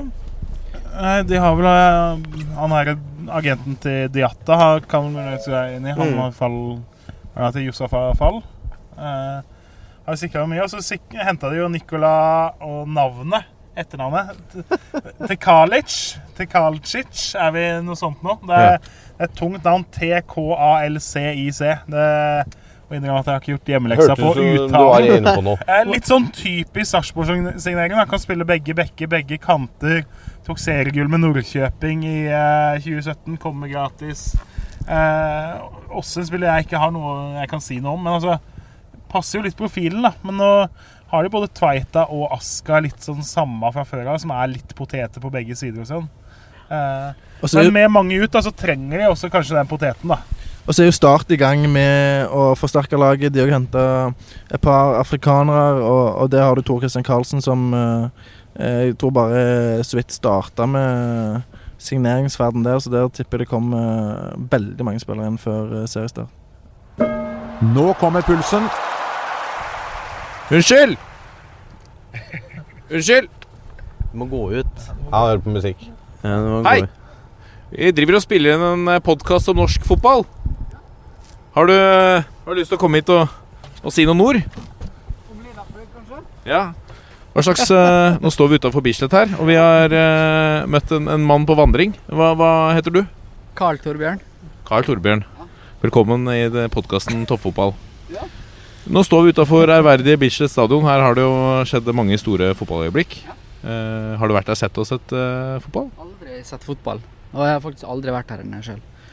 Nei. Hva slags forhold har du til norsk fotball? Eh, akkurat nå veldig dårlig. Jeg er jo ålesunder, da. Så Er tung. Men eh, engelsk fotball mye bedre.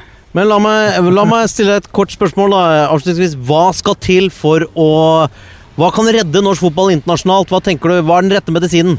Eh, la eh, ungguttene slippe til, fordi nå har eh, de gamle prøvd så lenge, og det har ikke funka, da. Ja, det er veldig ryddig. Det er ryddig, Lasse. Ja, jeg syns det er veldig ryddig. Ja. Ja. Jeg er inne på noe her, altså. Takk skal du ha. Det var gode tips. Vi tar det med oss. Vel hjem. Tusen takk. Ha en tur på Bislett og se Lyn. Det må jeg si, Martin. Det var en eh, fin start på pulsen. Absolutt. Du tar pulsen på folket her. Ja, veldig og vi er parkert utafor Bislett. På vår lille omvisning i Oslo by. For vi er jo kommet til pulsen nå. Ja, vi har jo det. Gi de unge sjansen. Ja. Ja. Og da tror vi de unge får sjansen i lavere divisjoner i år. Ja, det er jo det vi Det er kanskje ikke det vi skal snakke om akkurat nå, men eh, du har jo kjørt oss til Bislett. Ja, for jeg ville jo snakke om litt lavere divisjoner. Vi har fått et serieoppsett. Det har vi, og det er, eh, som Kjernås sa, det er hans eh, julaften. Uh, Serieoppsettet i annen og tredje divisjon er klart. Og der, Derfor spør jeg vil unge spillere få sjansen i, lavere divisjoner. Og vil vi få veldig mange unge spillere med gullkort eh, på diverse flyselskap? Det kan stemme. Altså Den store vinneren da av oppsettet på lørdag, det var vel Widerøes eh, ruter eh, rundt om i landet, tror jeg. Det, Widerøe tok litt baklengs salto på kontoret der. Eh, nå har vi jo snakka om før altså det er jo to Vi får litt flere passasjerer på ja, nå. Hvis vi Altså. starter med annendivisjon, altså, den er jo litt vanskeligere å kritisere. Da, fordi der har du 28 lag som satser hardt, og det må bli en del reising. Eh, Og det er en del av norsk toppfotball. ja, ikke sant? Det, de må regne med det. Ingen som kan være veldig kritiske der, selv om igjen så blir Grorud da skilt ut fra resten av Oslo-laga. Det er langt fra første gang. Eh, når de først skal ta ut ett Oslo-lag, så burde de se på de siste fire-fem åra eh, og ta ett av de fire andre laga der, for Grorud har vært sendt hele Norge rundt. De hadde tre første åra i annendivisjon så hadde de 39 forskjellige motstandere. Altså møtte ikke samme lag ett eneste av de tre første åra. Uh, ellers to jevne, fine avdelinger. Fredrikstad er storfavoritt i sin avdeling. Eh, Åpent Ja, veldig åpent, vil jeg si. Jeg eh, satt og telte litt her på lørdag, tror jeg det var. Jeg ser gjerne ni mulige opprykkskandidater i eh, avdeling to i andredivisjon. Eh, og det er ganske vilt. Du har jo eh, eh, Bryne, Egersund, Arendal, KFM Oslo, eh, Skeid, eh, Hødd, eh, Fløy, Verd Haugesund. Eh, Vidar liksom, Det er ekstremt mange jevngode lag. ja. det, det er ingen tvil om at annendivisjon har jo blitt en god og jevn eh, divisjon. Det kom, før så hadde vi jo store klasseforskjeller mellom en del lag der. Nå er det tett og jevnt, og det blir to gode avdelinger. Vi begynne med avdeling, eh, avdeling 1 først? Hva er deres ja. Altså Ja, eh, jo, ja, vi tok jo avdeling 2 nå. Ja. Joakim tok jo den godt. Der. Er, men hvis vi bare skal runde avdeling 2, så er det vel altså Arendal har de aller fleste fra årets førstedivisjonstropp på kontrakt videre. Har ressurser, har ny stadion, har litt rik Altså, Arendal skal være oppe der. Det samme gjelder jo for Bryne, som eh, har begynt å gjøre om på stallen. Har henta Oma Fonstad og Erik Rossland, som var gode offensivt for Fram Larvik. Henta keeperen til Egersund, som har vært god eh, der. Altså, Kalili forsvunnet ut, Ja. eh, blant annet. Og de hadde jo en ekstremt skuffende avslutning på sesongen etter å ha gått eh, et år uten tap. Eh, så, så rakna de mot slutten og fikk ingen av topp to-plassene. Og de har et budsjett på et par 20 millioner. og Det er jo på høyde med, med Obos-ligalag. sant? Så Og så har du jo altså, Hødd, som jo cupmester for fem år siden og har vært mye i førstedivisjon. Men mister Torbjørn Kallevåg til Haugesund, mister Robin Shroot, som har gått til USA. Eh, Hødd bør være oppi der, men jeg syns per nå, når vi skriver 6.12. i dag, så er det Bryne og Arendal. Og så Egersund satser jo såpass at årets niendeplass var fryktelig Ja, ja, ja. presterende. Eh, for meg så er de på en måte nummer tre per nå. Ja, Egersund har veldig mange bra spillere. I tillegg så har KFM Oslo eh, nylig vært oppe i Obos. Eh, du har Skeid med Tom Nordli. Og så er jeg veldig spent på Verd Haugesund. Det er en klubb som alltid har vært solide. De har fått en ny trener nå i Knut eh, Foldøy. En mann som jeg eh, eh, spilte juniorfotball med, faktisk. Eh, fantastisk fin fyr. Har vært assistent nå i Notodden og vært med på et opprykk opp til Obos der og, og slå ut Fredrikstad. Eh, så jeg er spent på hva, hva han eh, klarer å få til. da. Skal vi ta avdeling én? Der er jo Fredrikstad som er laget man må merke seg med. Altså, når du henter Per-Mathias Høgmo og gir han eh, millionlønn, mens eh, en del av de andre trenere er ansatt i 50% stillinger Det er klart, altså bare der legger du jo lista. Og, eh, eh, men så er det jo mye uklart der, da. Eh, en del av de de har på kontrakt, sånn Ulrik Flo og Jonah Veteli, altså, som er kanskje de to beste spillerne de har, de vil neppe være med ned. Eh, en del av de her lokale unggutta har ikke signert nye kontrakter ennå, så de, de har veldig få på kontrakt og veldig mange spørsmålstegn nå. Men så veit jo at de har jo økonomien og navnet og viljen til at den stallen kommer til å være bra på papiret igjen, og med Høgmo, som jo er eh, årets signering egentlig i andre divisjon. Men hvorfor får Høgmo bare to år? En kontrakt på to år, er ikke det litt rart? Jeg tror ikke, tror ikke han ønsker selv å binde seg til mer enn to år i Nei, en ok. andredivisjonsklubb. Plutselig kommer det et eh, lukrativt tilbud, og så eh, blir det vanskelig for han å, å komme seg løs for den kontrakten. Eh, men jeg tror bare det navnet der til Høgmo, selv om eh, eh, han har eh, eh, gått gjennom mye som landslagssjef og blitt eh, harselert mye med, så tror jeg det navnet der vil tiltrekke seg mange spillere eh, eh, til Fredrikstad. Og i tillegg så har jo Terje Høili sagt at eh, Eh, han, eh, han er jo hovedsponsor fra før, men han eh, vil bidra med midler eh, fordi at eh, Høgmo eh, er kommet inn nå. Men er dette et eksempel på at eh, Terje Høili har fått en god idé, slik vi har sett bl.a. i Vålinga, at man insisterer på at eh, her kommer det penger, eh, jeg bestemmer ikke denne klubben, men hvis dere ansetter Per-Mathias Høgmo, så får dere 10 millioner penger, ekstra. Men Per-Mathias Høgmo har jo, må jo Altså, Han er jo ikke Ja, den har eneste som har slitt med det norske landslaget. Og han har jo gjort det bra på klubbnivå før. Absolutt. På høyere nivå. Så vi må jo forutsette at det er en, det er en solid fotballmann. På Mm. alle mulige måter. Og jeg, er- det jeg er mer sånn besnæra av, egentlig, det er sånn OK, Per-Mathias Høgmo, Høylig penger Hvem er drømmesigneringa? Er, kommer, er det en gammel røver som skal dra seg opp av hatten og være en leder på banen for å få de opp igjen? Ja, altså, jeg spurte jo uh, uh, Ole Martin Nesselquist om, uh, om han hadde tenkt å hente Heion Hansen til Moss. Heion Hansen er ikke gamle karen eh, eh, ennå, så at det er en type for eksempel, som kan bli henta til andredivisjon og Fredrikstad fra, fra Serp, eh, Det er jo en Serp-legende, så det vil jo være litt av en overgang, da. Men eh, det kan være mulig, tror jeg. Men så, altså jeg tror Fredrikstad har ingen grunn til å klage på denne avdelinga. Fordi eh, tøffest skal altså Raufoss spilte jo kvalik i år. Eh, Mista nå Christian Onsrud til HamKam, bl.a. Klubblegenden Petter Senstad har gått til nabo Gjøvik, trapper litt ned der. Eh, ikke, altså jeg vil heller hatt Raufoss enn Arendal og Bryne, da, f.eks.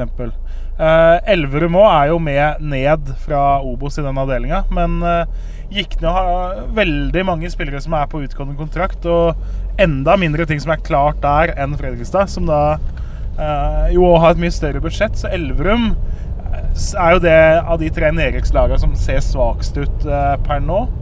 Eh, Alta hang med lenge, mista kvaliken på slutten, skal kutte i budsjett. Eh, er ikke helt sikker på hva som blir der. Og så sitter Håvard og peker på et lag som heter Hønefoss. Det er klart eh, Budsjettmessig og de siste 15 åra eh, i lys, så bør jo Hønefoss være med der og være et av de lagene som kan utfordre Fredrikstad. Eh, i likhet med Godset en håpløs eh, vårsesong, en eh, oppløftende høst. Eh, jakte litt middels store fisker, så hvis de får napp, så er Hønefoss definitivt et lag som bør være med oppi der. Men et, hvis Fredrikstad er misfornøyd med avdelinga, da det kan det ikke være. Selv om det er to ganske jevne avdelinger.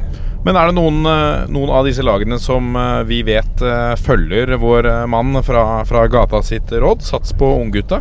Eh, altså Hønefoss Hønefoss f.eks. har jo uh, i mange år var i mange år med i toppen. Uh, Har de eh, tatt konsekvensen Ja, altså, av at de har rykket ned og så, og så satset på de lokale unggutta? Gen altså Generelt kan vi vel si at det er ganske bra satsing på unggutta oppi her. Eh, så har jo lag som Hødd og Skeid som har mye ungt og lokalt, eh, med flere. Altså Koffa har nå lag i annen- og tredjedivisjon. Uh, kommer til å ha en bred avstand hvor de beste unge kan få sjansen. Det, eh, jeg syns de aller fleste laga er ganske gode til å ha en niks på det i andre divisjon. Jeg må bare si før vi går videre Jeg pleier å høre en del på podkast når jeg kjører bil. Og nå å sitte og ha, bare høre på disse gutta snakke om uh, andredivisjon er helt nydelig. Det er som å høre på podkast. Live, liksom? Kan jeg, si at nå er vi jo, jeg må jo skyte inn at nå er vi jo snart på Årvoll. Det er jo te Nei! Det Så svinger til høyre! Så sving, vi svinger mot Løren istedenfor Årvoll. Altså, hvis Lasse tenker at han gjorde et dårlig valg da han lovte dette med Birken, så har han jo nå han svingt til Løren istedenfor å svinge til Ja, Årvoll. jeg, jeg tenkte at nå skal sikkert uh, snart uh, Kjernås rekke tog. tenkte jeg Så nå må jeg snart begynne å bevege meg nedover i sentrumsregionen igjen. Ja, men uh, altså, en tur til Årvoll er verdt taxipenger hjem, det, altså. Det, Ja, okay, greit. Ja, Lø Løren er ikke et sted du eh, holder Nei, altså, vi, vi må jo snakke om tredjedivisjon, men vi må, jeg må få skyte inn 30 sekunder om fjerdedivisjon i Oslo òg. Eh, fryktelig skuffende at ikke Groruddalslaget kom sammen. Men så viser det seg at Hasleløren får beholde plassen i fjerdedivisjon fordi tre lag ikke hadde lyst til å være med i fjerdedivisjon. Eh, det er jo egentlig aldri en god nyhet at uh, Hasleløren eh, berger plassen, men når de havna i avdeling med mitt Årvoll nok et eh, år, da, så er det jo helt nydelig. For Det betyr jo at Årvoll får sjansen til å knuse Hasleløren to ganger i 2018 også. Eh, så det, det var en meget oppløftende nyhet å få på en eh, helt vanlig tirsdag her. Lite stikk der altså. Skal vi ta Norsk eh, Tipping-ligaen? Dere, dere fører an. Begynner dere med avdeling 1, eller? Ja, vi kan, Først så kan vi vel si litt generelt, Joakim. Kan vi ikke det? Ja, altså, det er jo helt spinnvilt. Som Joakim sa her da vi starta, at det er, har jo vært mye reaksjoner. Eh, jeg og et par andre har jo prøvd å sitte og lagd noe oppsett. Eh, Det er vanskelig med seks avdelinger og de lagene som er med i år, å få et perfekt oppsett. Noen må ut på tur. Men hvis vi skal kan, ta det kan jeg bare skyte inn for de som ikke forstår dette? Du Ja. og, og annet 30 understrek Christian Ja, på 30 Twitter. understrek Christian på Twitter har jo Vi kan vel starte med konklusjonen, da. At uh, han har jo lagd et par forslag som langt på vei overgår uh, det NFF uh, kom med som fasit. For dere lager altså forslag som dere håper at NFF Ja, altså Bare for å sette lytterne inn i ja, hva Det dere er driver med. 84 lag som skal i seks avdelinger. Eh, så bør jo de la, avdelingene være sportslig ganske jevne. Det har man ikke klart i det hele tatt i år. Eh, det er ekstrem forskjell på svakeste og beste avdelinga, mener jeg. Eh, og så bør man begrense reisinga så mye som mulig. Det er, navnet er Regionligaen. Eh, og så må noen ut og reise, for sånn er landet vårt. Og vi har ti, nei, 11 lag fra Nord-Norge. Men så klarer man å lage et oppsett hvor det blir unødvendig mye reising. Veldig mange turer med Widerøe og buss og NSB og jeg veit ikke hva. Så det eh, Jeg syns de har landa på en dårlig løsning. Og nå må jeg bare først skyte inn, nå er vi på Årvoll. Gratulerer, gutter. Men, men, men send, sender du inn dette her til forbundet, sånn at de får sett dine forslag, eller, eller, Nei, eller gjør du det i eh, ettertid? Nei, de, de ligger på Twitter, både fra meg og han, men det Jeg tror ikke de tar så mye hensyn Men, til det. men hvordan klarer de da når du har de forutsetningene, hvordan det bør settes opp, og, og hva man er ute etter i en sånn avdeling, eller de avdelingene, hvordan klarer man da å bomme så grassat? Hva er det som skjer når du setter opp? Hva tenker du, Joakim? Nei, det, det er et godt spørsmål, fordi eh, de forslagene som, som du og- Årvollbanen er til høyre. Beklager. Forslag, forslagene som du og, og Christian har kommet med, er mye bedre enn det jeg ser her. Og Kjør til høyre. det er jo noen sånn eh, Dette er snakk om tredjedivisjon. Og personlig, da, som eh, Jeg er 28 år, eh, jobber, Jeg har lyst til å ha fritid, eh, kunne være med kompiser, og se fotball og, og gjøre ting i helgene og sånn. Aldri om jeg hadde gidda spille tredjedivisjon nå, når jeg ser dette oppsettet her. Du har vel spilt for Vardeneset? Ja, ja og da, ja, Vardenes er plassert i avdeling fire. Og de er sammen med Brodd, som, eh, som gjør at det blir et eh, nydelig lokalderby i den avdelingen, der det kommer til å smelle og bli noen røde kort. Og så er det Viking 2. Ellers så ser jeg bare Berg fra, eh, lag fra Bergen. Jeg ser Sogndal 2, Førde Eh, Det ser helt det, det, det er så mange lange turer, da. Og de kjære Stord, eh, Håvard? Ja, står er der, ser jeg. Ja, avdeling Det er ikke så langt. da. Nei, Det Stord det er Stord- ja, ja. Det- Det er innafor. Stord. Stord- Stord må Stord tåler det. Liten ferjetur, Ja. det. Og, og det er alltid noen lag fra Bergen. Eller så kommer du i den uh, pulja med, med sørlandslag. Men her er det liksom Du har Brodd og Viking 2, eller så må du ut på tur. Og da er det, går hele dagen, sant.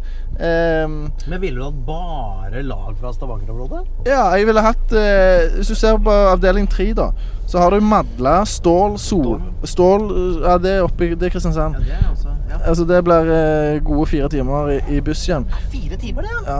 Ja, så, men du har Madla Du må gi Håvard mikk når han prater. Nei, jeg skal slutte å prate. Jeg prater bare rød likevel.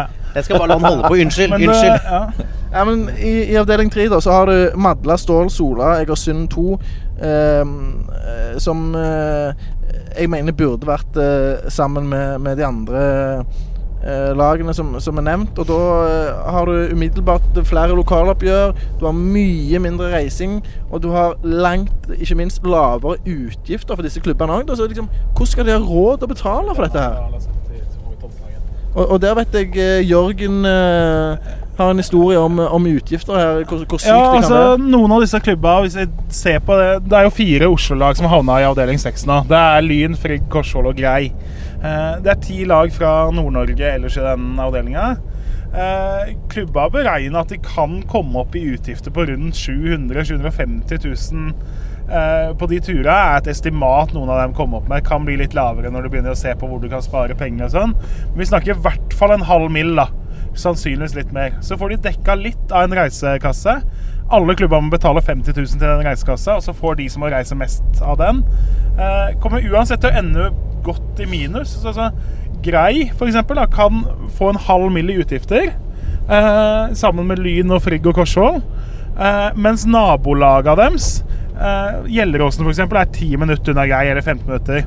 De har fått en helt lokal avdeling med unntak av Bjørnevatn, som jo er Finnmark. Høyre nå, Lasse. Men er, Hvor er vi på vei, eh, Kjernos? Eh, Nå skal vi se hvor jeg eh, er født og oppvokst. Ah, Eh, Nå er vi på er, Tonsdagen i Oslo. Tredjelegenden Lars men, Kjernås men, bor men betyr dette her Kjernos, at den store feilen egentlig ble gjort når man liksom i sin tid la ned Nord-Norge-ligaen og gjorde Ja, Norge altså, til ett jeg mener jo at med seks avdelinger så kan du ikke lage det perfekt. Eh, men det er så forbanna urettferdig at noen får disse utgiftene og reisekostnadene og tidsbruken, mens naboen ikke får det.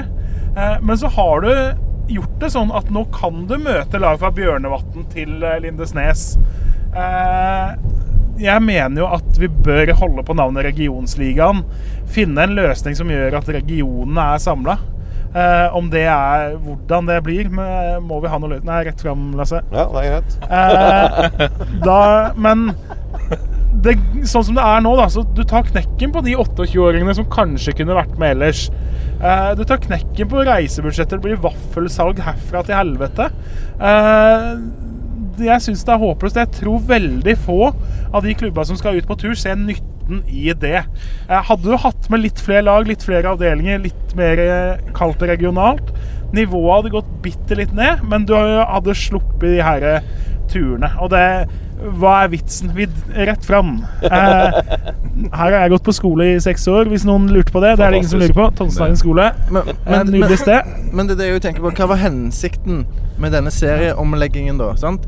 Eh, du spisser divisjonene, men har du spissa Eliteserien? Har du spissa Obos-ligaen? Du har jo ikke det. Ja, Du har, du har gjort eh, at det er litt enklere å holde seg i Obos-ligaen. og At det ikke er fire lag som Mm. går ned. Nå er det to, og så er det ett som spiller kvalik.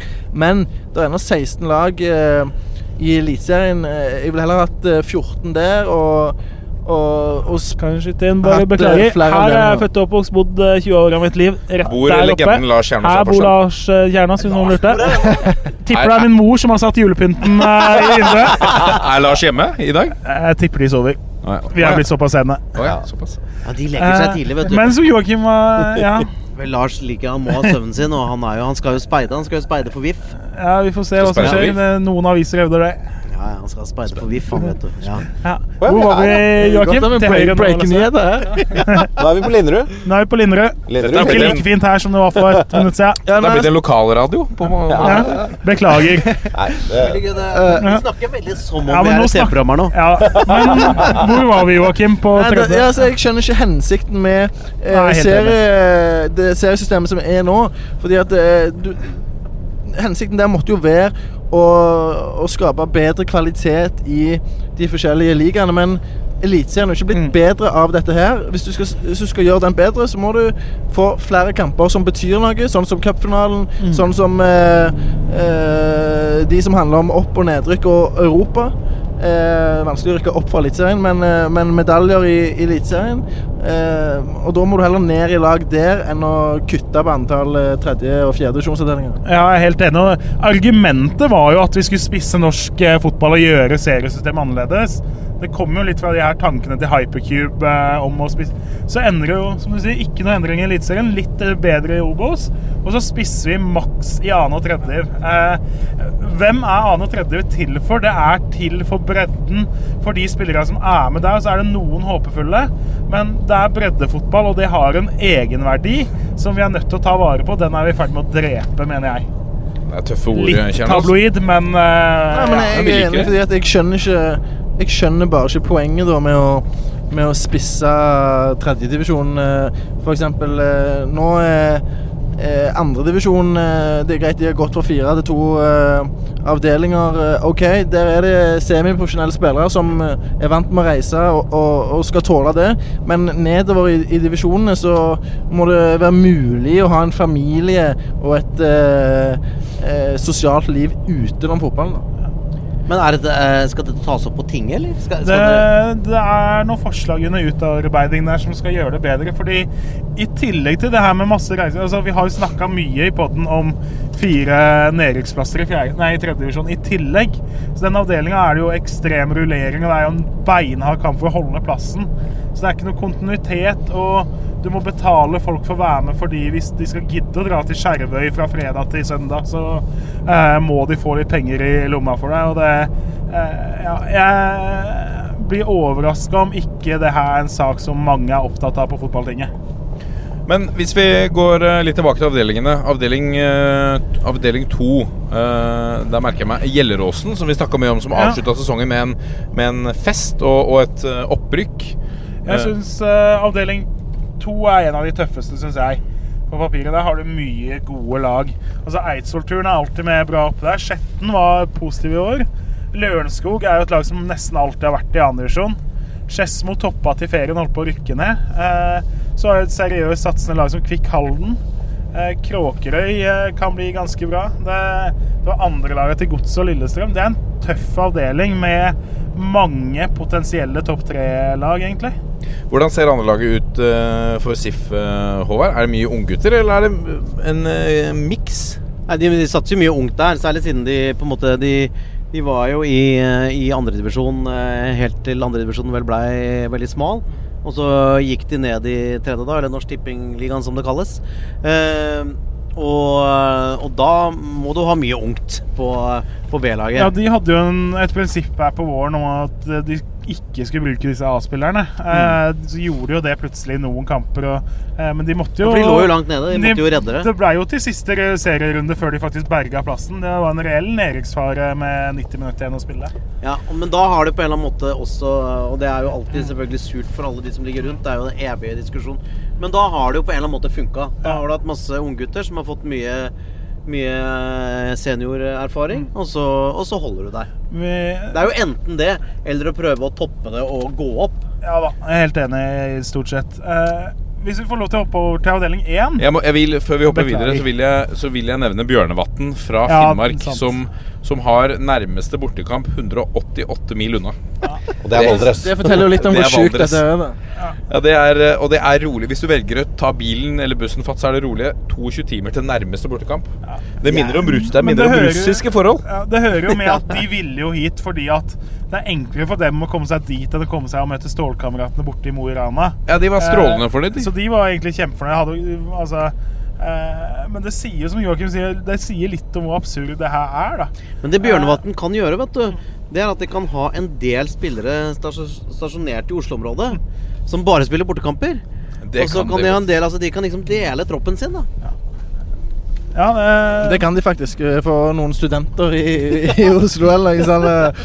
Eh, Gi de eh, et par pils der. Det blir en herlig lagfølelse av 300 mil mellom eh, lagdelene. Ja, men som jeg synes dere i Oslo Ja, det er vi eh, Nei, vi er bortelaget til Bjørnevatn. Vi er bortelaget. Vi bare understreker det. Vi spiller kun bortekamper. Men altså, det er jo Det er strekk i laget når Forsvaret sitter i Oslo.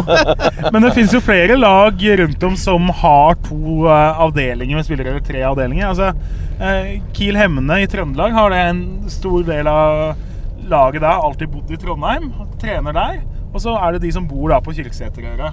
Tynset samme, de har ofte trent sammen. For de er liksom noen som bor der, og så noen som bor i Trondheim. Eh, Finnsnes har hatt det i annen divisjon. De har holdt til i, i eh, Tromsø med et par unntak. Eh, Skjervøy samme i Tromsø, så det, det er noen av de lagene som faktisk har to grupper da, som kun egentlig møtes på kampdag, eh, grovt sett. Dette visste jeg ikke. Det sa jeg egentlig mest som en vits. Ja. Og så er det faktisk realiteten i norsk ball. Ja. Eh, Men du vil hoppe videre?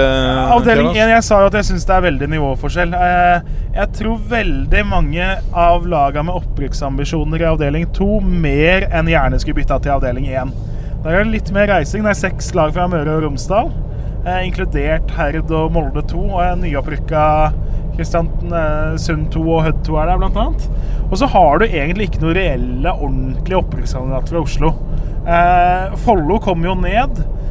Selvsagt en opprykkskandidat, har et bra juniorlag, mister da eh, et par av de mest rutinerte og et par av de beste unggutta. Kommer til å være veldig unge.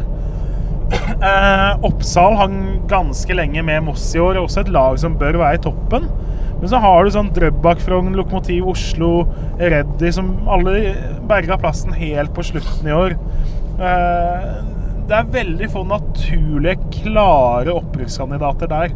Eh, så jeg tror du kunne satt inn nesten en fem, seks, sju lag fra avdeling to som hadde vært favoritter nesten i den avdelinga her, da.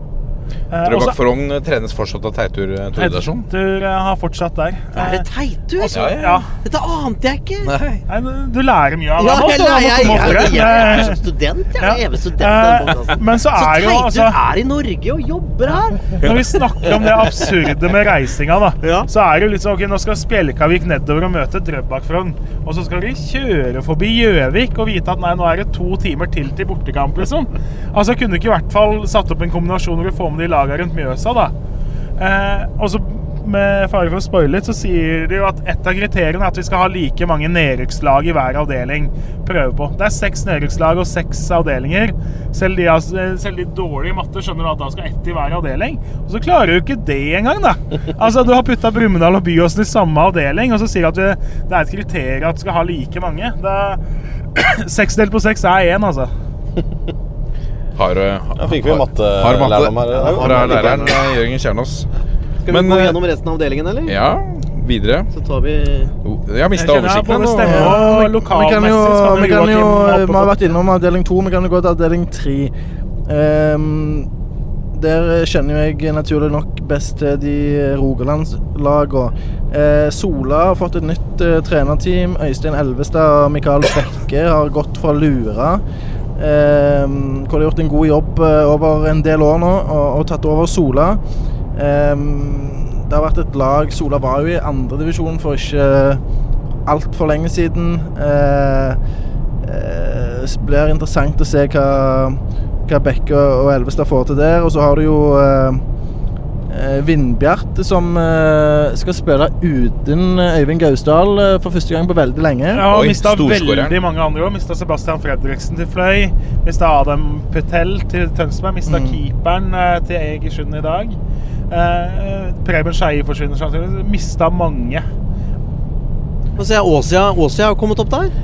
Opprykkslag. Men så Fevik fortsetter, tror jeg. kan jo du se Åsia og Godset 2 er ikke i samme avdeling. Det også er liksom sånn enda et eksempel. Hadde du hatt to lag fra Drammen ja, Nei, vært- de skal ikke møtes. Nei, Det hadde vært litt trøkk der, altså. Skulle, skulle tatt seg ut om de to lagene fra Drammen møttes, liksom. Det Det er ikke noe gøy, er ikke noe gøy for Åsia å få møte Godset. Nei da, de skal til Sola.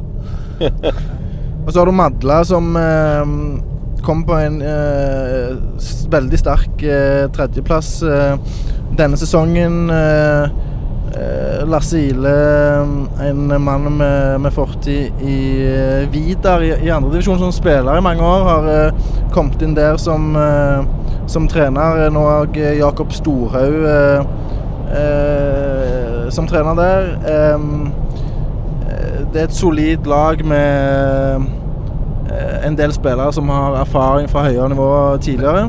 Hvem rykker opp, da? Jeg, jeg tror kanskje Ørn Horten kan bli favoritt der til slutt, men store Vi har mistet uh, Lasse Bransdal, toppskåreren med 19 skåringer. Fra, Ja, ja, det var jo flere òg, var det ikke det? Hvis du tar med kanskje Kepp det var også, enda så, men det er jo som uh, Martin sier, altså at han forsvinner, det er jo det som kanskje skiller dem fra å være favoritt akkurat nå til å eh, at Porsche kanskje må ha det stempelet. Men vi snakker om Porsche mister jo sannsynligvis Tobias Lauritzen, som uh, hamra inn 32 mål eh, denne sesongen her. Uh, og var aktuell for årets så på uh, han og Bransdal og Gausdal forsvinner fra Det er de tre soleklare toppskårerne til de tre antatt beste lagene som forsvinner. Og sånn er det jo i, eh, i tredjedivisjon at det er veldig mange spillere eh, eh, fort kan flytte på seg eh, mellom to sesonger. eh, og til og med eh, på sommeren òg. Det er folk som skal studere, det er folk som, som, som trapper ned eller gir seg, eller, eller tar steget opp. Eh, I Stål Jørpeland eh, så er det jo en del spennende spillere. Eh, vi har vært inne på Even Østensen tidligere. Han forsvinner mest sannsynlig til et nivå opp. Eh, Eh, samtidig så er de ekstremt sterke på hjemmebane. Det har de alltid vært. Eh, så det er et lag som de fleste frykter å møte. Eh, usikker på hvor sterke de blir neste sesong.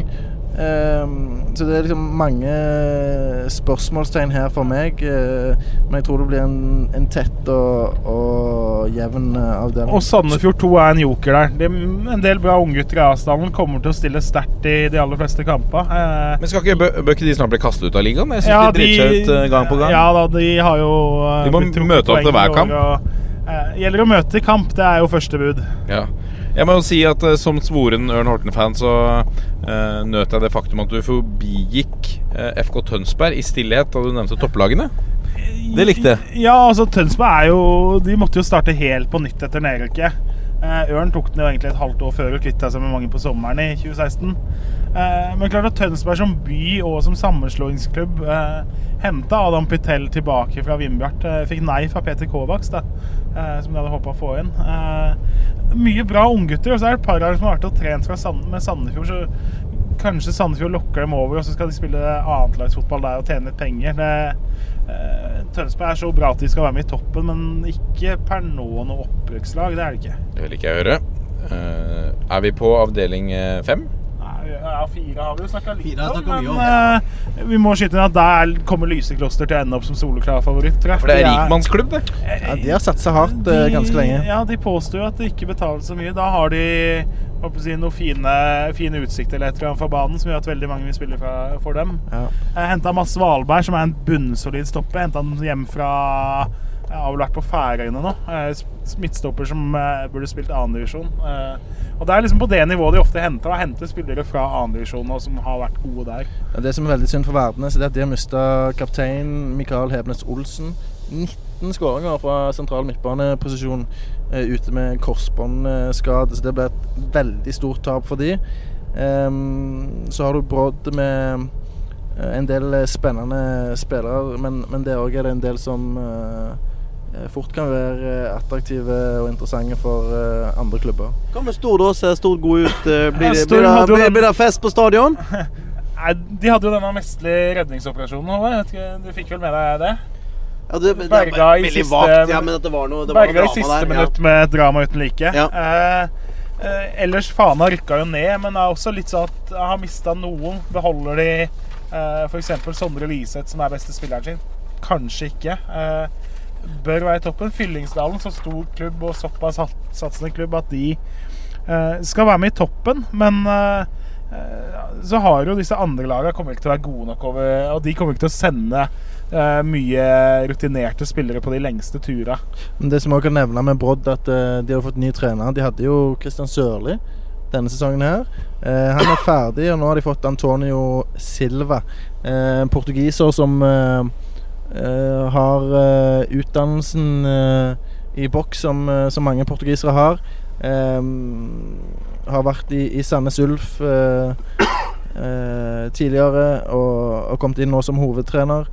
Um, så det òg virker som en veldig klok signering av uh, Øyvind Jacobsen, denne SGD i Brodd, eh, sportsgeneraldirektør, som han kaller seg sjøl. Sports... Er det helt sant? Sportsgeneraldirektør?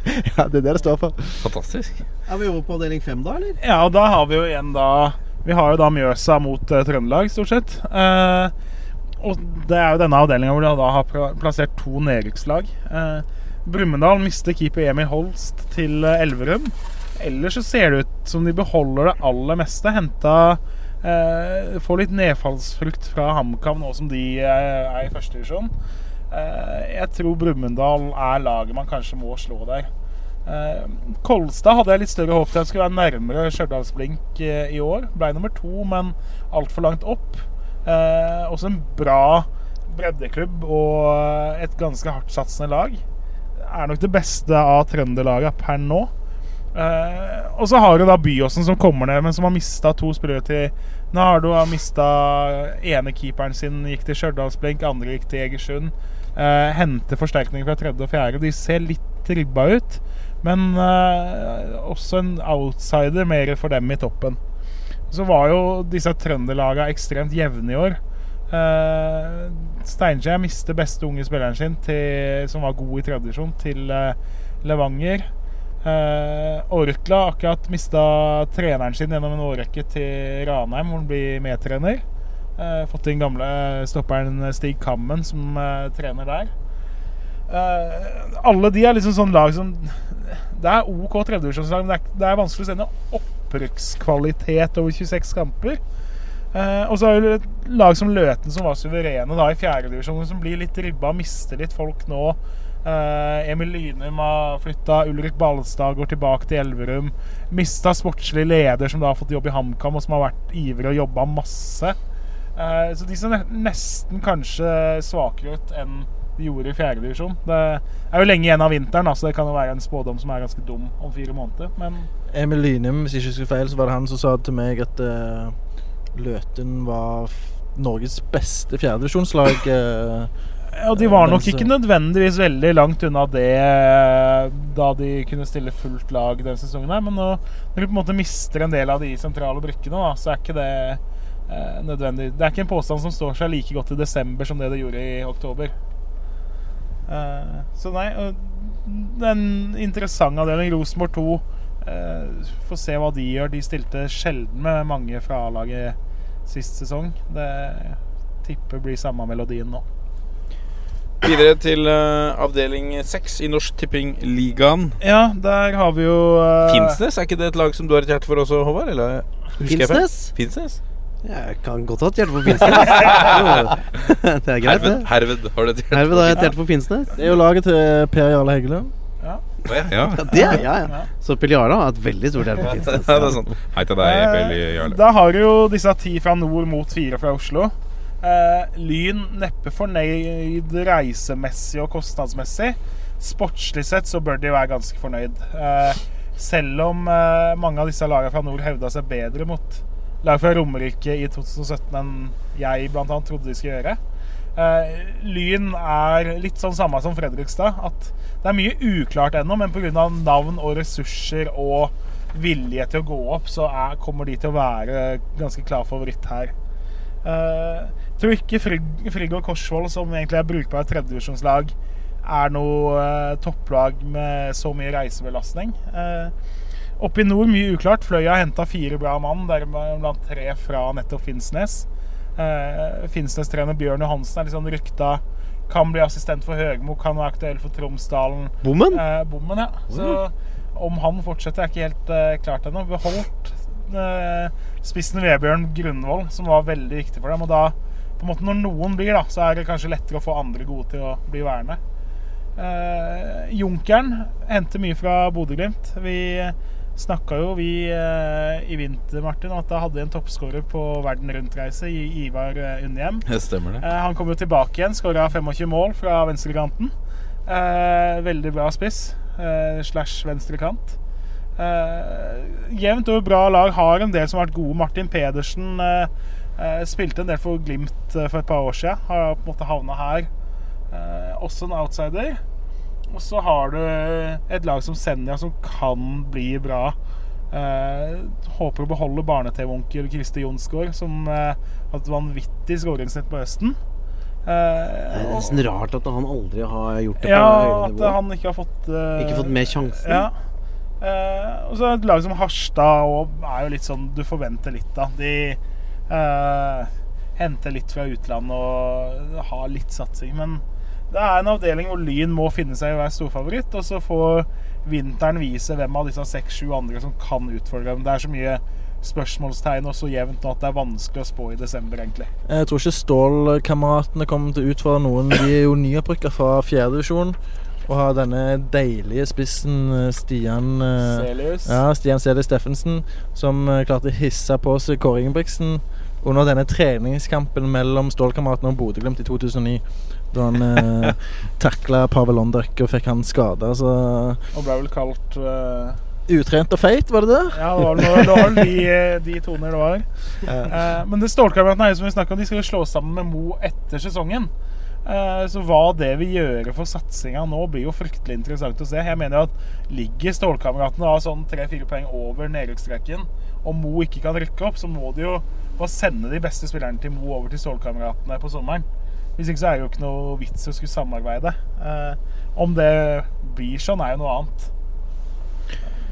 Det blir eh, spennende å følge. Nå har vi snakket om eh, oppsettet. Så kommer det vel en ny episode som tar for seg hvordan dere tror dere det går. Ja, Vi må da Bårdsen snakke mer, altså Vi må snakke mye om dette, syns jeg. Ja, Vi snakka en stund nå. Ja, snakket men- en stund om eh, Ikke- nå. ikke i dag, kanskje, da, synes- men, det, eh, vi alltid, Det er alltid fascinerende og besnærende å høre alt dere kan. Vi Men starta på. Løren og har tatt turen via Tannstagen og ned til Oslo S. Så det, Ja, det fine sjef- med en tur til Årvoll var jo at Lasse fikk testa motoren litt på denne Forden også. Ja, ja, det funka som rakkeren. det er bra. Det var en bra bil. Jeg sier som min sjef sier 'moving swiftly on'.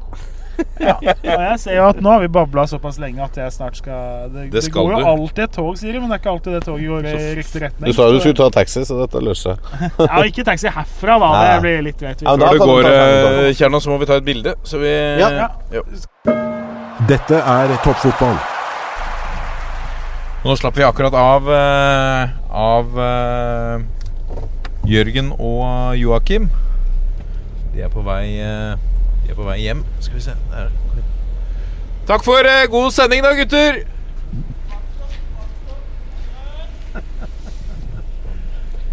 For en, for en kunnskap. Ja, det er jo helt sykt. Det er, det, er, det, er, det er noen ganger litt rart. Nå satt jeg liksom mellom dem som en slags tilskuer til, til på en eller annen måte det ene spissnavnet etter det andre. Altså Mennesker jeg aldri har hørt om. Ja. Som, eh, som eh, tenk likevel hvor viktig det er for sine respektive klubber. Og hvor savna de er når de drar videre. Ikke sant? Og bare nå eh, Kjernås kunne melde om at spissen på det ene laget som hadde vært på, Han som hadde vært på jordomseiling, nå var tilbake. Han hadde banka inn 25 goller. Tenk at han kan alt det der! Ja, det er helt Altså, men, det er, vi har snakket om det før, og det blir kanskje litt sånn kjedelig repetitivt. Men det er, det er, det er, det er helt utrolig. Ja. Er, er, er, men han er ikke autist. Han, han er jo fungerende og virker jo Men det men det, er, men det er altså en sånn Det er, det er fascinerende. Men det er altså det er, Og Joakim var jo virkelig Det er handler om Ja, for det er første sendinga di sammen med Joakim. Ja, det er første sendinga, og begge de to er jo Ja, det er, jeg, jeg blir jo lettvekteren. Jeg prøver å slenge inn sånn en og annen melding. Det- Vi har forskjellige roller i dette programmet. Det er deilig å ha noen å lene seg litt på, kjenner jeg. Ja. Det, er, seg litt det er ikke ofte både Vangstein og Lilleheie sitter så lenge stille i en, i en sending. Nei, jeg, er bare, som jeg sa i stad, jeg er bare nøyd til å kjøre rundt og ha livepodkast i baksetet. Det er jo en fantastisk opplevelse. Skal vi ta et par punkter til på pulsen, eller? Ja, kjør, mens vi kjører Håvard hjem. Mens vi kjører Håvard hjem Det er hyggelig. til hemmelig Adresse. Hemmelig, sted, hemmelig adresse, hemmelig adresse Ok, i. Oslo. Geir Bakke vil ha videodømming på norske baner. Kan det ha noe med cupfinalen å gjøre? Jeg tror det. Det Selvfølgelig, det melder seg jo etter cupfinalen. Ja. Uh, og det passer seg jo sikkert for eh, en dyktig journalist å spørre, stille spørsmålet også. Ja. Eh, det er jo helt riktig å stille det spørsmålet i den settingen når det er to såpass avgjørende hendelser i kampen da, som, som vi ser på cupfinalen der. Jeg liker videodømming, jeg. Jeg gjør det. Jeg skulle aldri trodd om deg. Ja, jo, jo, jo. For at jeg føler at det gir sånn, det gir sånn ekstra spenning. Det er akkurat som eh, Nå har den derre spenning. eh, målstrekteknologien, Mhm. ikke sant? Så får du det opp på skjermer. Er ballen over? Er den ikke? Og så kommer Oi! Og, og, det, er, det er et ekstra element. Og det samme her blir jo det at du får en scoring, og så blir det Er det offside? Er det ikke offside? Spilles det av? Og så kommer den streken over skjermen som blir fasit. Jeg syns det er gøy, jeg. Men skal vi liksom vente, da? Skal vi vente Men det, det til tar eh, ikke så lang tid. Nei. Nei, du- er det et gammelt argument? Ja, det tror jeg er et gammelt argument. Altså, Ja. Teknologien har kommet så langt, og du kan ha folk som ser det for deg. Altså, si en femtedommer, da, eh, som kan gi, eh, gi innspill. I verste fall så kan dommeren løpe jogge bort på sidelinja og se det sjøl. Det trenger ikke å ta så veldig lang tid. Du kan sette noen tidsbegrensninger på det òg. Men, men du må få spilt av for alle, sånn at Ja. alle får ta del i spenninga. På skjermen, ja. Det, ja, på skjermen. Ja. Det er kjempegøy. Ja. Og det er jo et underholdningselement. Og hør på Vangstad nå. Det er derfor han har lederstilling i næringslivet. Det er derfor de betaler de gode penga. Sånn. Gode penger hvert år.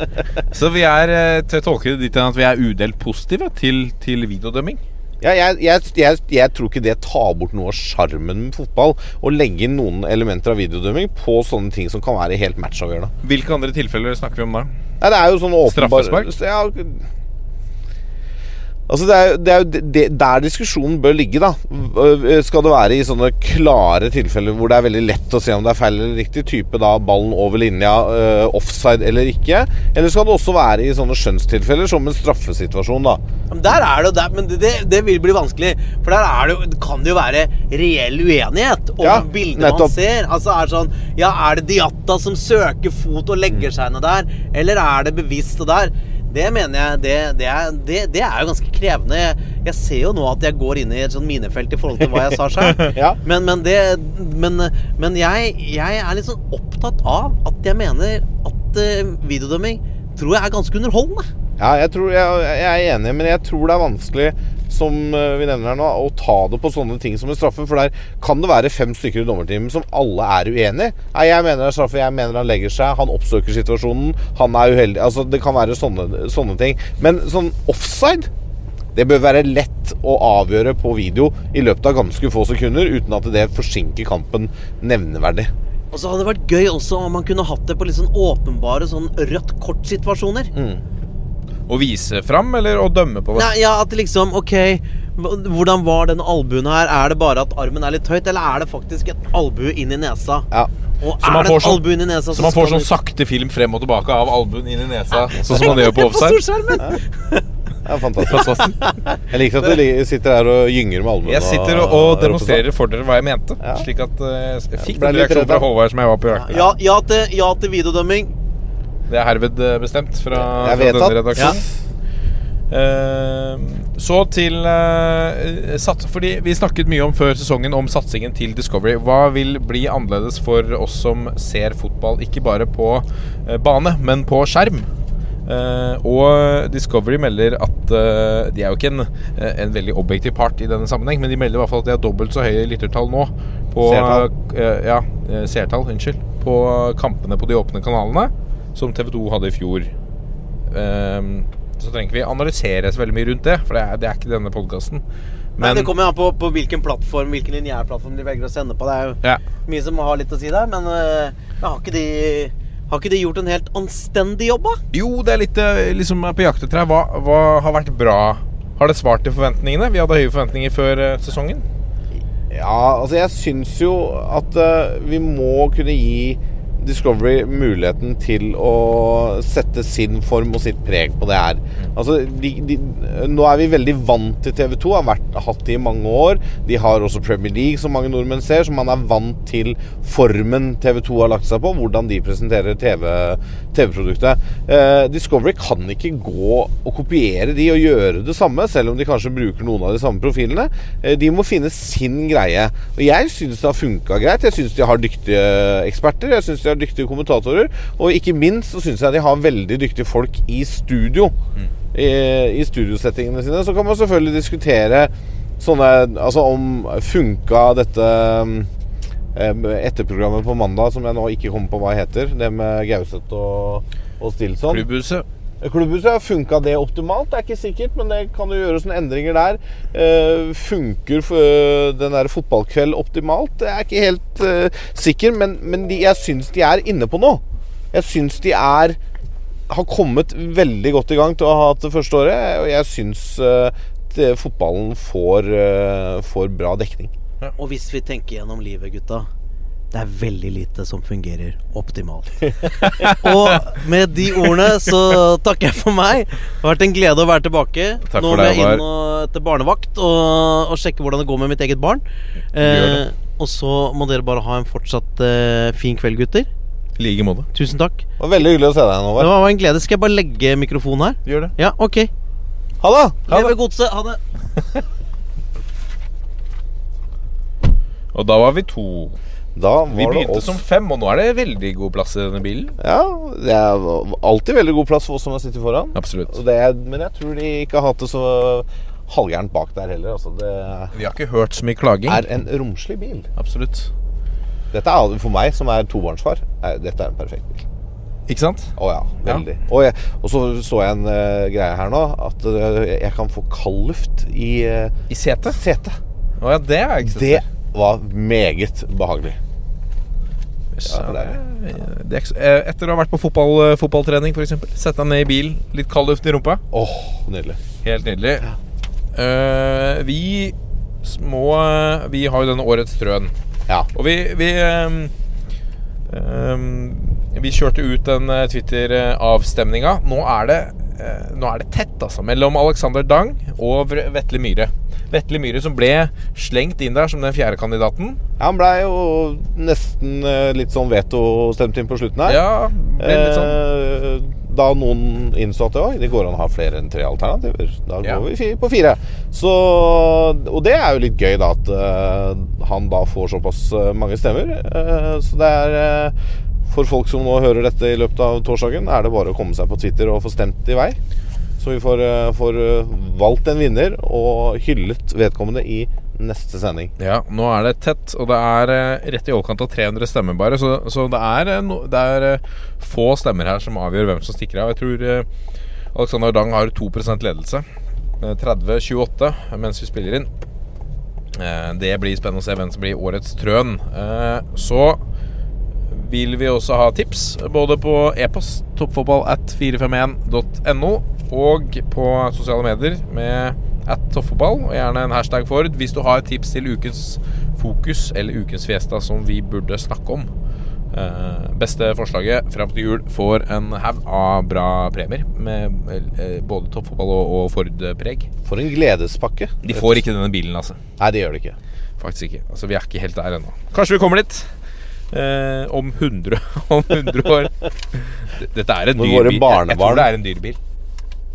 Dette tror jeg er en eh, bil eh, som er helt eh, innafor for en norsk eh, familie Ja, okay. å, å kjøpe hvis man trenger en litt stor familiebil i SUV-segmentet. Det, det var uh, siste reklamesnutt fra signert Lasse Wangstein og, og Toppfotball. Vi er uh, Toppfotball på Facebook, Twitter og Instagram.